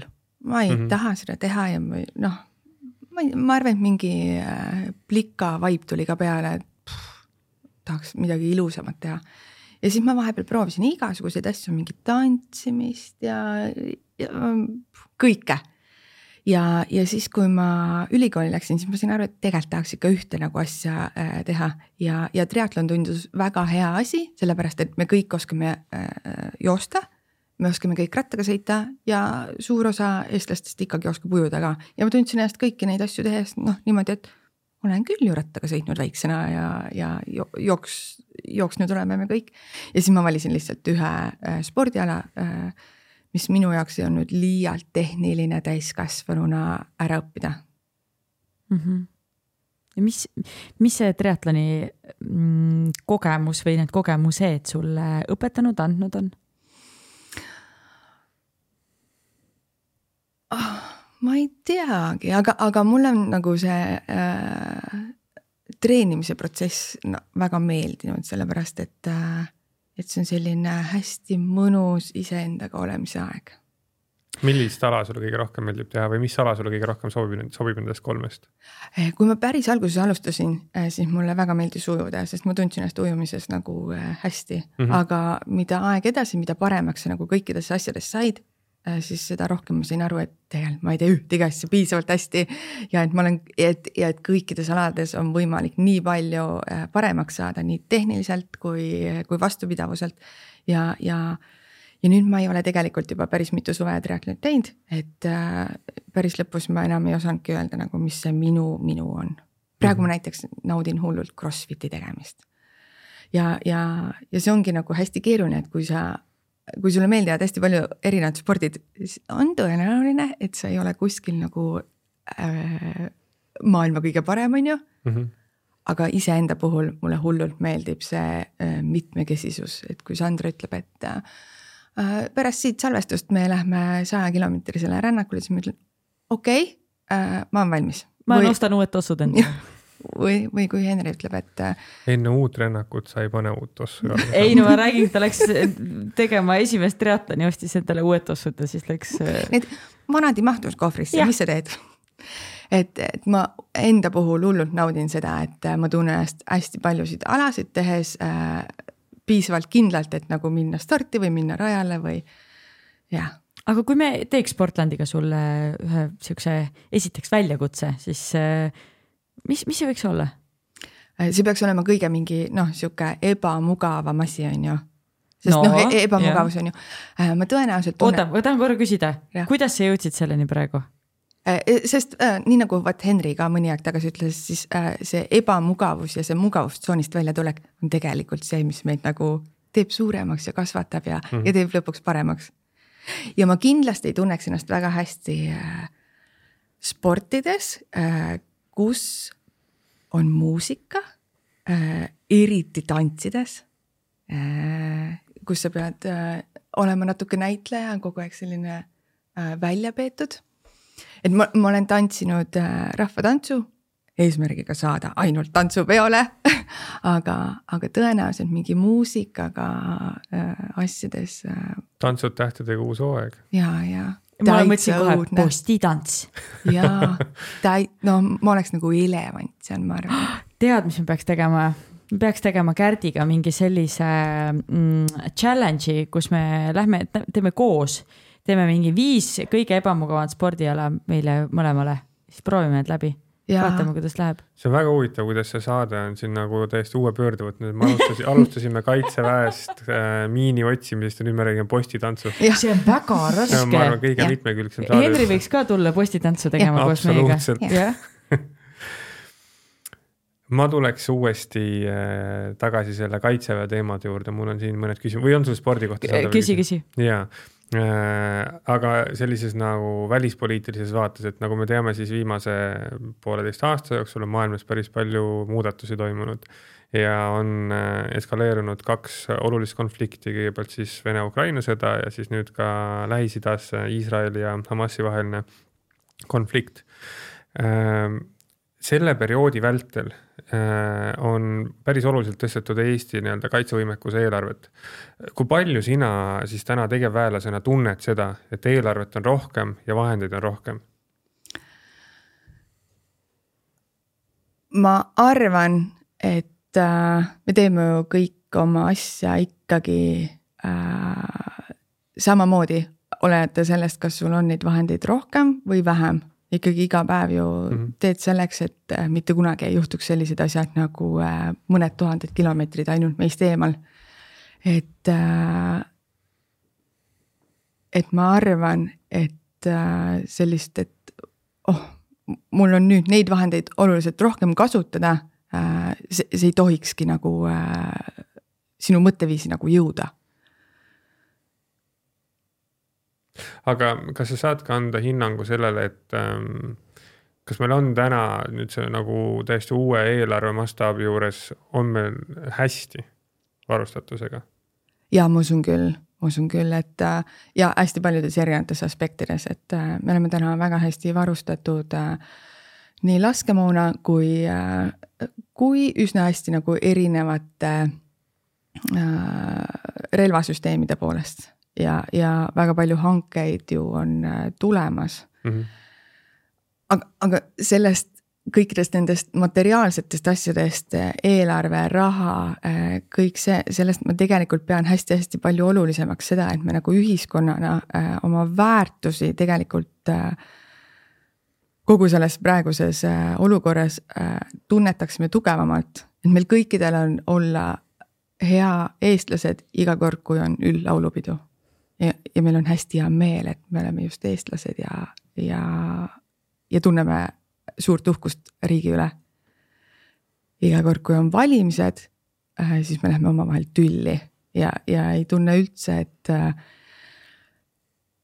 et me väärtustaksime samu asju, et äh, kogu selle maailma juures, mis praegu on kerimas, ma tahaksin hullult, et see viiks ühiskonda selles mõttes kokku, et selles mõttes sa ei saa valida ju perekonda, kuhu sa sünnid ja selles mõttes, et sa ju suures osas ei saa ka valida riiki, kuhu sa sünnid.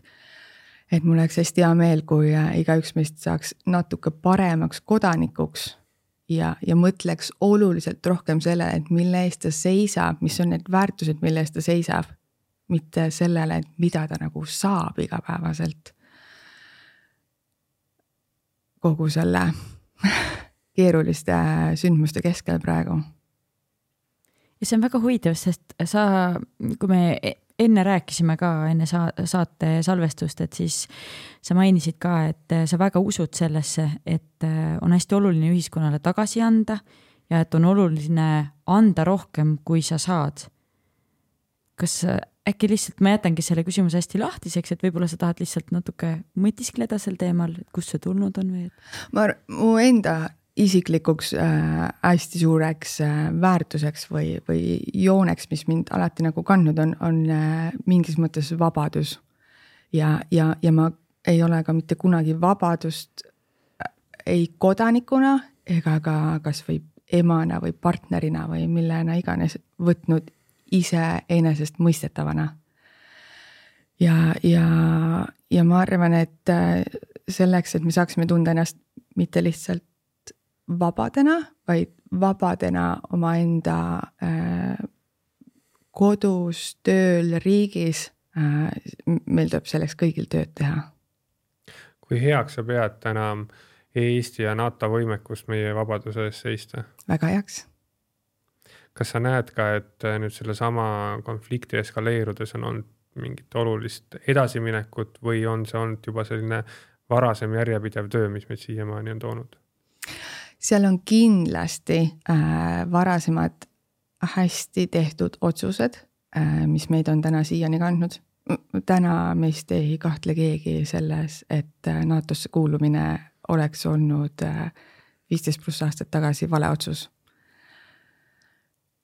aga ma kindlasti usun sellesse, et, äh, et me kodanikena teadvustame nagu palju paremini tegelikult seda, kui hea meil siin elada on mis võiks olla see esimene samm, et inimesed kuidagi ma ei tea, saaksid hakata rohkem mõtlema sellele või, või, või, või ma ei tea, mõtestaksid lahti selle, et mis, mis on nende väärtused, et, et mis on, ma ei tea täpselt, kuhu ma selle küsimusega lähen, aga et, et kui praegu kuulab meid inimene, kes pole mitte kunagi mõelnud selle peale, et kuidas mina saaksin olla ühiskonnale kasulikum et äh, hoida kõike seda, mis meie ümber on, et äh, mis need esimesed sammud võiks olla, kas midagi hästi praktilist?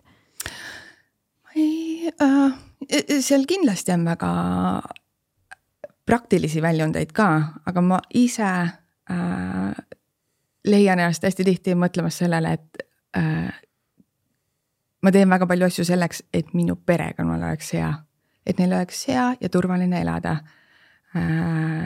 ja ja sellest algab tegelikult hästi palju asju, et äh,. ja perekonnast nagu suuremaks minnes, siis ma ju tahan, et äh, nad elaksid ju äh, normaalses ja turvalises elukeskkonnas, et äh,, et mul on hea meel panustada sellesse nagu ühiskondlikult suuremalt. mul on hästi hea meel, kui nagu teised kodanikud ka seda teevad ja mul on hästi hea meel olnud näha seda väga suurt inimeste hulka, kes on liitunud äh, nüüd viimase kahe aastaga Kaitseliidu ja Naiskodukaitse ja politseinik, abipolitseinikega, et tegelikult hästi tore, et inimesed on võtnud südameasjaks ka mingisuguse ühiskonda panustava tegevuse mm. -hmm. sest lõppude lõpuks meil kõigil on ju kakskümmend neli tundi ja, ja see prioriteetide seadmine seal vahel, no ei ole ju lihtne, seepärast et ma tahan ju.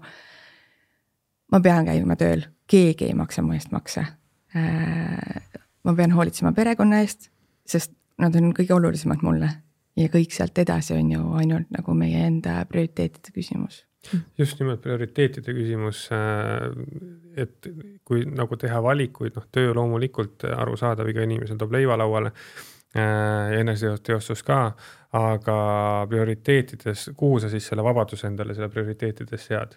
Ja selge see, et kui iga inimene panustab äh, meie ühiskaitsesse, siis ma arvan, et see on juba nagu väga suur võit ja heidutus tegelikult. ja selles mõttes noh, on positiivne näha, et see konflikt, mis on eskaleerunud, et see ikkagi oluliselt rohkem on kodanikke aktiveerinud, aktiveerinud selles osas. täiega nõus väga,, väga-väga nõus aga e, võib-olla ikkagi selline nagu konkreetsem sõnastus ka, et kui inimene nüüd selle vestluse tagajärjel on mõelnud, et jah, ma soovin panustada, et mis ta peaks tegema, kas ta peaks minema Kaitseliidu kodulehele või, või on see nagu mingi teine või kolmas asi, et kust ta pihta võiks hakata? Äh, suures plaanis, sa võid alustada näiteks sellest, et äh, kui homme peaks sinu kodus ära minema elekter kolmeks päevaks. kas su lemmikloomal äh, jätkub toidust? kas sul jätkub joogivett?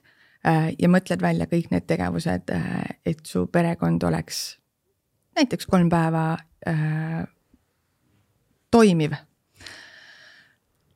äh,. ja sealt edasi sa saad mõelda, et mis mind kõige rohkem kõnetab kas mind kõnetab igapäevane äh, korrahoid kas ma tahan ennast äh, siduda näiteks abipolitseinikega või, või kas ma tahaksin panustada riigikaitsesse hoopis äh, Kaitseliidu tegevusi kaudu või? Neid võimalusi vist on väga palju. nii palju Aga..., näiteks sellest aastast äh, ma juhendan hästi toredaid äh, kodutütreid, et mul on hästi hea meel tegeleda üle pika aja noortega. täitsa lõppkülaajad, nad on esimese kui kolmanda klassi tüdrukud ja ja nad on nii kihvtid, laste rõõm on nii kihvt ja ma oma lapse puhul äh, näen ka nii kihvtilt seda, et mis mind nagu inimesena ka hullult innustab. kui palju kordi ta on nõus fail ima selleks, et midagi lõpuks välja tuleb. ta on nõus kümme korda ninani kukkuma, et ta saaks ise kaks sammu teha. nii kihvt. ja minu arust äh, lihtsalt miks ma seda mainin, on see, et ma käisin sel suvel ühes äh, Võrumaal ühes kodutütarde ja noorkotkaste laagris äh, äh, liikumistrenni tegemas ja minu elukaaslane käis seal õpetamas neile diskgolfi oh.. et see on ju, need on ju ka asjad, mida, mida me kõik saame teha, et, et, et lihtsalt minna guugeldada, võtta oma, ma ei tea, ümbruskonna siis, ma ei tea, mis, mis selle asja nimi on siis nagu pataljonide või staapidega ühendust ja pakkuda, et teate, mul on selline oskus, ma tahaks seda näiteks noortele edasi anda. ja väga äge äh,, vägagi, sest me ei pea ju iga päev istuma metsas ja õppima tulepulka kasutama, on ju. et, et meil on ju inimestena hoopis teistsuguseid väärtusi ka äh,. ma lähen homme just tüdrukutega õppepäevale, kõigepealt vaatame metsavendade punkrit ma olen ise hästi suur metsavendluse perioodi äh, huviline mm. -hmm. ma hüppan korra teemast kõrvale, aga, aga kui palju oli neil inimestel lootust äh, ja kui vähe võimalusi ja jah, äh, väga, väga huvitav ajajärk meie ajaloos. ma loodan, et mitte kunagi ei tule midagi sellist tagasi. aga homme ma lähen tüdrukutega, lähme vaatama metsavendade punkrit käime läbi äh, veel villa veskis, vaatame, kuidas kunagi villa tehti, lähme järva kanti, puhume kõik oma ise klaasist vaasid. et äh, ma ise inimesena ka, äh, kui ma neid juhendan, siis ma tahan, et neil oleks hästi palju erinevaid tegevusi, et nad ei oleks mitte ainult pisikesed militaarhuvilised, vaid, vaid et nende nagu üldkultuurilised teadmised oleksid ka huvitavad ja kaetud. Väga lahe. Kusjuures, kes tahab metsavendlusest rohkem teada, sest et ega üha rohkem ju kasvab peale nooremat generatsiooni, kes võib-olla ei ole sellega nii palju kursis, siis äh, ETV-s oli väga hea saatesari, äh, kus Martin Herem äh, käis metsavendade radadel ja rääkis sellest teemast lähemalt, see oli minu meelest äkki kevadhooajal, aga kindlasti on see järelvaadatav, et väga huvitavalt tehtud saade, igati soovitan ja väga, tõesti äh,, see oli, ülesehitus oli väga hea ja, ja pakkus äh, ka neile, kes ei ole nagu nii väga selles teemas sees, et väga hästi tehtud sari. hea soovitus. teate, see aeg siin meil lendab ikka väga-väga kiiresti, mul on üks väga oluline teema, millest me tahaksime veel rääkida, millest me tegelikult täna väga ei ole rääkinud, on vaimne tervis sest me oleme hästi palju füüsisest rääkinud. Äh, ma tahaks natuke sel teemal äh, ka sinuga põrgatada. Äh, ja võib-olla alustada just sinu, sinust isiklikult, sinust kui indiviidist ja siis võib-olla rääkida veidike sellest kaitse, kaitseväe seisukohast, et kui, kui palju sa ise mõtled oma vaimu, oma, oma ajulihase treenimise peale või et sellise vaimse tervise treenimisele? ma olen olnud selles hästi-hästi kehv, sest ma olen alati olnud selle mentaliteediga, et mõtle häid mõtteid. mine jookse see kümme kilomeetrit äh, ja, ja, ja kõik saab korda, mis sa palka saad, korter sul on, mida sa vingud. kannata ära. kannata ära. aga see pole päris nii ja, ja ma olen väga-väga palju pidanud nagu iseendaga äh, tööd tegema Äh, just emaks saades, sellepärast et kui te võtate mult une ära, siis te olete mult kõik ära võtnud. Ja, ja, ja minust saab koletis, täielik koletis. aga, aga äh, minu puhul töötab väga hästi äh, seesama üksiolek, millest, millel me oleme täna juba korra peatunud, ma pean korraks nagu ennast lahti ühendama ja, ja ma arvan, et üheks äh, kõige ägedamaks teraapiaks äh, on mul endal panna näpud otse mulda. Mm.. sest ma elan nii maal kui linnas korraga, ma olen sihuke tõenäoliselt üsna püsimatu inimene, et ma ei suudaks elada ainult oma Põhja-Tallinna korteris. et ma olen üksteist aastat elanud vanas rehielamus ka ja mul on hektar põllumaad ja ma iga aasta panen sinna midagi lahedat see kõik algas sellest, et äh, jah, ma ehitasin selle maja äh, elamiskõlbulikuks, mm -hmm. tore kodu mul. ja, ja siis äh, guugeldasin, milline põllukultuur äh, vajab kõige vähem hoolt. vastus küüslauk. panen hektari küüslauku maha. ja, ja kui hektari? jah, ja kui seda tuli järgmine sügis äh, koristama hakata, siis mõtlesin, mine pekki, Gert, täiesti sooda aga jah, ja siis ma iga aasta olen seda natuke vähendanud, nüüd ma olen neljandik äh, hektarit ja järgmine aasta ei pane üldse küüslauku maha. ühesõnaga, mulle hullult meeldib igasuguseid asju kasvatada. Äh, ja, ja, ja mulle meeldib näha taimi kasvamas ja, jah, ühesõnaga äh, loodus on kindlasti üks osa, kuidas ma oma tasakaalu hoian üks päev siin öösel kaevasin just oma Pojengi peenart, mul on viiskümmend meetrit Pojengi peenart, sest see on lihtsalt maailma kõige ilusam lill ja, ja mulle. öösel? jah, sest äh, noh, päevasel ajal ju äh, laps võtab oma, on ju, ja siis mm -hmm. jah, võtad ju ikkagi päevast maksimumi, on ju aga siis see une aspekt ka siia juurde, et siis millal sa magad? Äh, ma olen hästi kehva ajaplaneerija, et siis hommikul ma jälle avastan, et ma olen nii väsinud ja pahane ja oli mul vaja seda öösel kaevata ja siis jah, ma ei ole parim ajaplaneerija, aga ma proovin ikkagi võtta sellest ajast maksimumi, mida, millest jääb alati puudu. aga jah, eh, mulle hullult meeldib, kui asjad, eh, kui mingi idee sind kannustab mm. -hmm. ära hakka siin proovima mingi kolme küüslaugukesega, pane see hektar maha, vaata, kas sulle meeldib. mu järgmise aasta projekt on päevalillepõld et, et mulle hullult meeldib Äh, teha asju, mis äh, sünnivad ka kätega. et ma pean ise inimesena hästi lugu akadeemilisest haridusest mm. -hmm. aga, aga selle, sellel on päriselt väärtus siis, kui sa nagu suudad ka oma kätega midagi luua. või ei karda neid mustaks näha näiteks.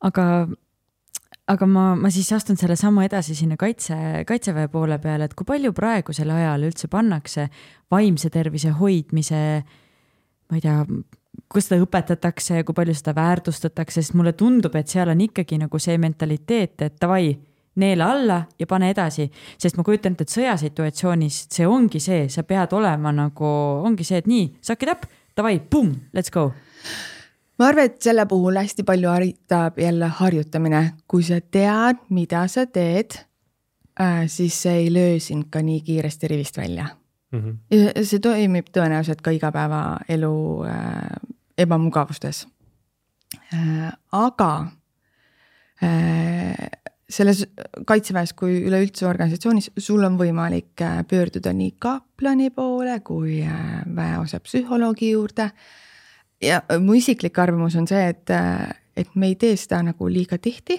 Äh, sest, sest me kõik oleme ju väga kõvad isiksused, me ju kõik suudame rinnalt suruda kaheksakümmend viis protsenti oma kehakaalust ja, ja et me oleme kõik ju ilged sõjardid et, et kui mul on raske, siis ma teen reede õhtul parem kaks õlut ja räägin sõbraga juttu mm. -hmm ja jah, mu, aga ma usun, et see on nagu üleüldiselt nagu, nagu kõikide teiste eestlaste asi ka, et äh, ma pigem natuke kannatan, kui et. Äh, aga, aga näed sa, kas räägitakse nendest asjadest ka, ka sinu ringkonnas rohkem, et sest mulle tundub, et seda varasemalt vist pole väga tehtud. see vist oleneb ja äh, jah, ja, ja näiteks äh, hästi raske teema, aga noh, enesetapud ju äh, kaitseväelaste seas on ju noh, neid tõenäoliselt juhtub rohkem kui mõne teise valdkonna esindajate seas või elu, eluvaldkonnas äh, mm. -hmm.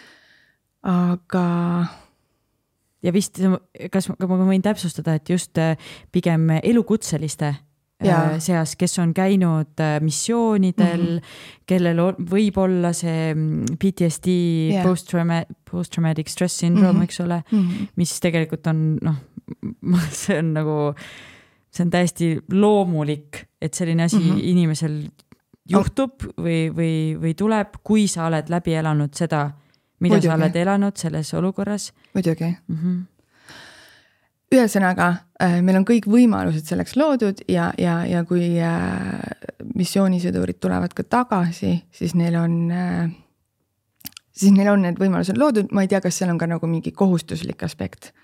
ma ei oska seda täna öelda, aga, aga ma usun, et see, et sa räägid täna oma nõrkustest, saab ühel päeval selleks, et see teeb mind tugevamaks isikuseks isiksuseks, et mm. -hmm. kas sul on, Sandra, vaimse tervise kohta veel küsimusi? mul on väga palju küsimusi, aga ma täna seda neid enam ei küsi. meil läks hästi selliseks tõsiseks ja oluliseks vestluseks, aga äh, mis sa arvad, kas me läheme nüüd äkki soovituste juurde äh,? ma otsin fänni küsimused yeah. üles kõigepealt.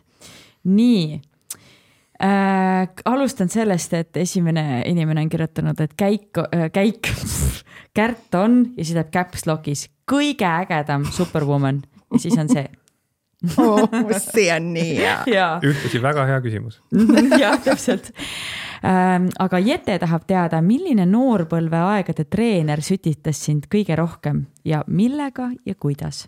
oi, ma arvan tegelikult, et mind on, võin väiksena ja noorena ikkagi üsna suur tuuseldis. ega ma nagu ei teadnud, kelleks ma saada tahan ja nagu üsna pikalt otsisin nagu oma kohta.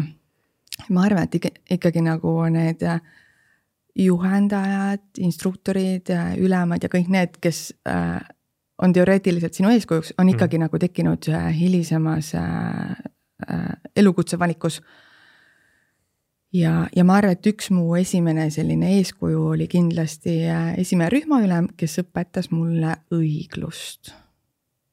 kuidas olla õiglane. ta ise, ta, ega ta ise ei tea, et ta nagu seda õpetas ja ma arvan, et see on üks parim äh, õpetamise meetod üldse, et kui sa ei tea, et sa õpetadki ja siis keegi, keegi saab sellest äh, niimoodi aru väga lahe. ja ma küsin ühe veel, Liisa küsib, et millal triatlon, millal triatloni rajal kohtume? ma võtan veel veits hoogu sest äh, selleks, et hea enesetundega lõpetada, äh, tegelikult peab natuke panustama küll. ma ei ütle, et see kaksteist, neliteist tundi äh, nädalas treeningut oleks ülioluline. Aga selleks, et mõnusa enesetundega lõpetada, ma mäletan seda viimast Tallinna triatloni küll. et ma lõpetasin ja järgmine päev ma läksin õega poolmaratoni jooksma. see oli nüüd, see, see aasta on ju? ei, ei. eelmine aasta? ei, ma arvan, et see oli see üheksateist. aa, üheksateist. Mm. et äh, et ei pea ju iga kord poodiumil lõpetama, et sa võid ju teha sellest mõnusa spordipäeva ka äh,. aga tee nii, et sul oleks pärast hea olla soovitused. jaa, soovituste nurgake, nii. üks, ma alustan. no tulista. ma alustan. väga üks hetk, mida iga inimene võiks kogeda. see on jälle täielik klišee. saada lapsevanemaks ja äh, olles lapsevanem, ma mõistan ülihästi neid inimesi, kes ei taha kunagi lapsi saada, päriselt ka, ma ennem seda mõtlesin, sa oled eestlane, kõik eestlased peavad lapsi saama, vaadake, kui vähe meid on ja, ja äh, nüüd ma saan sellest väga hästi aru, kui see on äh, inimeste teadlik valik, ma ei soovi lapsi saada, täiesti okei okay., aga see on ka kõige ägedam kogemus, mis minuga juhtunud on. siis üks spordiala, mida iga inimene võiks proovida. kõike, noh äh, täna on spordi tegemine lihtsalt nii lihtne. Tee mida iganes äh, sind tänasel päeval just nagu innustab mm. -hmm. ja siis üks äh, life hack, mida, mida iga inimene võiks teada. oh, see on päris hea küsimus mm.. äkki sa tood mõne sellise näite, mida õpitakse kaitseväes? mingi praktilist laadi oskus.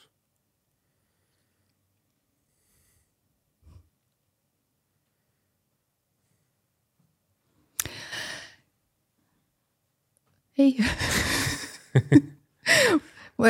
jumal tühima. aga põllumajandusest midagi? ei, katseta. küüslaukude õpetamisest, katseta. katseta. mul ei ole üldse ühtegi head häkki, seepärast et äh, sest iga päev on. aga räägi siis seda, et ähm, kui sa oled metsas äh, eksinud, kuidas äh, tuld teha? õpita sihukest asja kaitseväes ilma tikkudeta? On jumala kehv tuletegija, ma ei saa seda õpetada aga praktiliselt, tehniliselt sa tead, kuidas see käib jah? oleneb jah, oleneb jah vahenditest, mis sul on, aga ma ei saa, ma ei oska seda siin õpetada ka niimoodi. tead, mis mulle tundub või? mulle tundub niimoodi, et see podcast ei, eh, küll lõpeb siin, aga Henri helistab sulle vist mingi hetk, et nagu kuule, kuidas, mis seal ikkagi seadusega tehakse, mis teema selle Kaitseliidu sellega on? mul ei ole tõesti jah, ühtegi väga head häkki, aga äh, sest ma olen ise olnud alati see, et, et kui miski sind natuke kohutab, siis ära lihtsalt astu seda sammu tagasi, lihtsalt mine tee, katseta. et, et ka vale otsus on ikkagi tehtud otsus, et lihtsalt ela ja tee ja proovi uusi asju. See on väga äge soovitus siia lõppu, see on väga hea life hack. jah. Ja, ela, ela ja tee, ela mm -hmm. täpselt nii. aga Kärt, suur aitäh, et sa täna tulid ja nii põnev vestlus oli tõesti. ma küll õppisin nii palju uusi asju siit ja, ja ütlen ausalt, et sain ka inspiratsiooni jätkata või võib-olla minul jäi see Kaitseliitu astumise äh, teekond pooleli mingi hetk. sain väga palju inspiratsiooni seda jätkata nii tore mm, -hmm. nii tore. Aitäh teile. jah, aitäh Vau, Henri aitäh, kuulajad-vaatajad, et olite meiega järgmise korrani. tšau, aga. tšau. Sportland, Be First podcast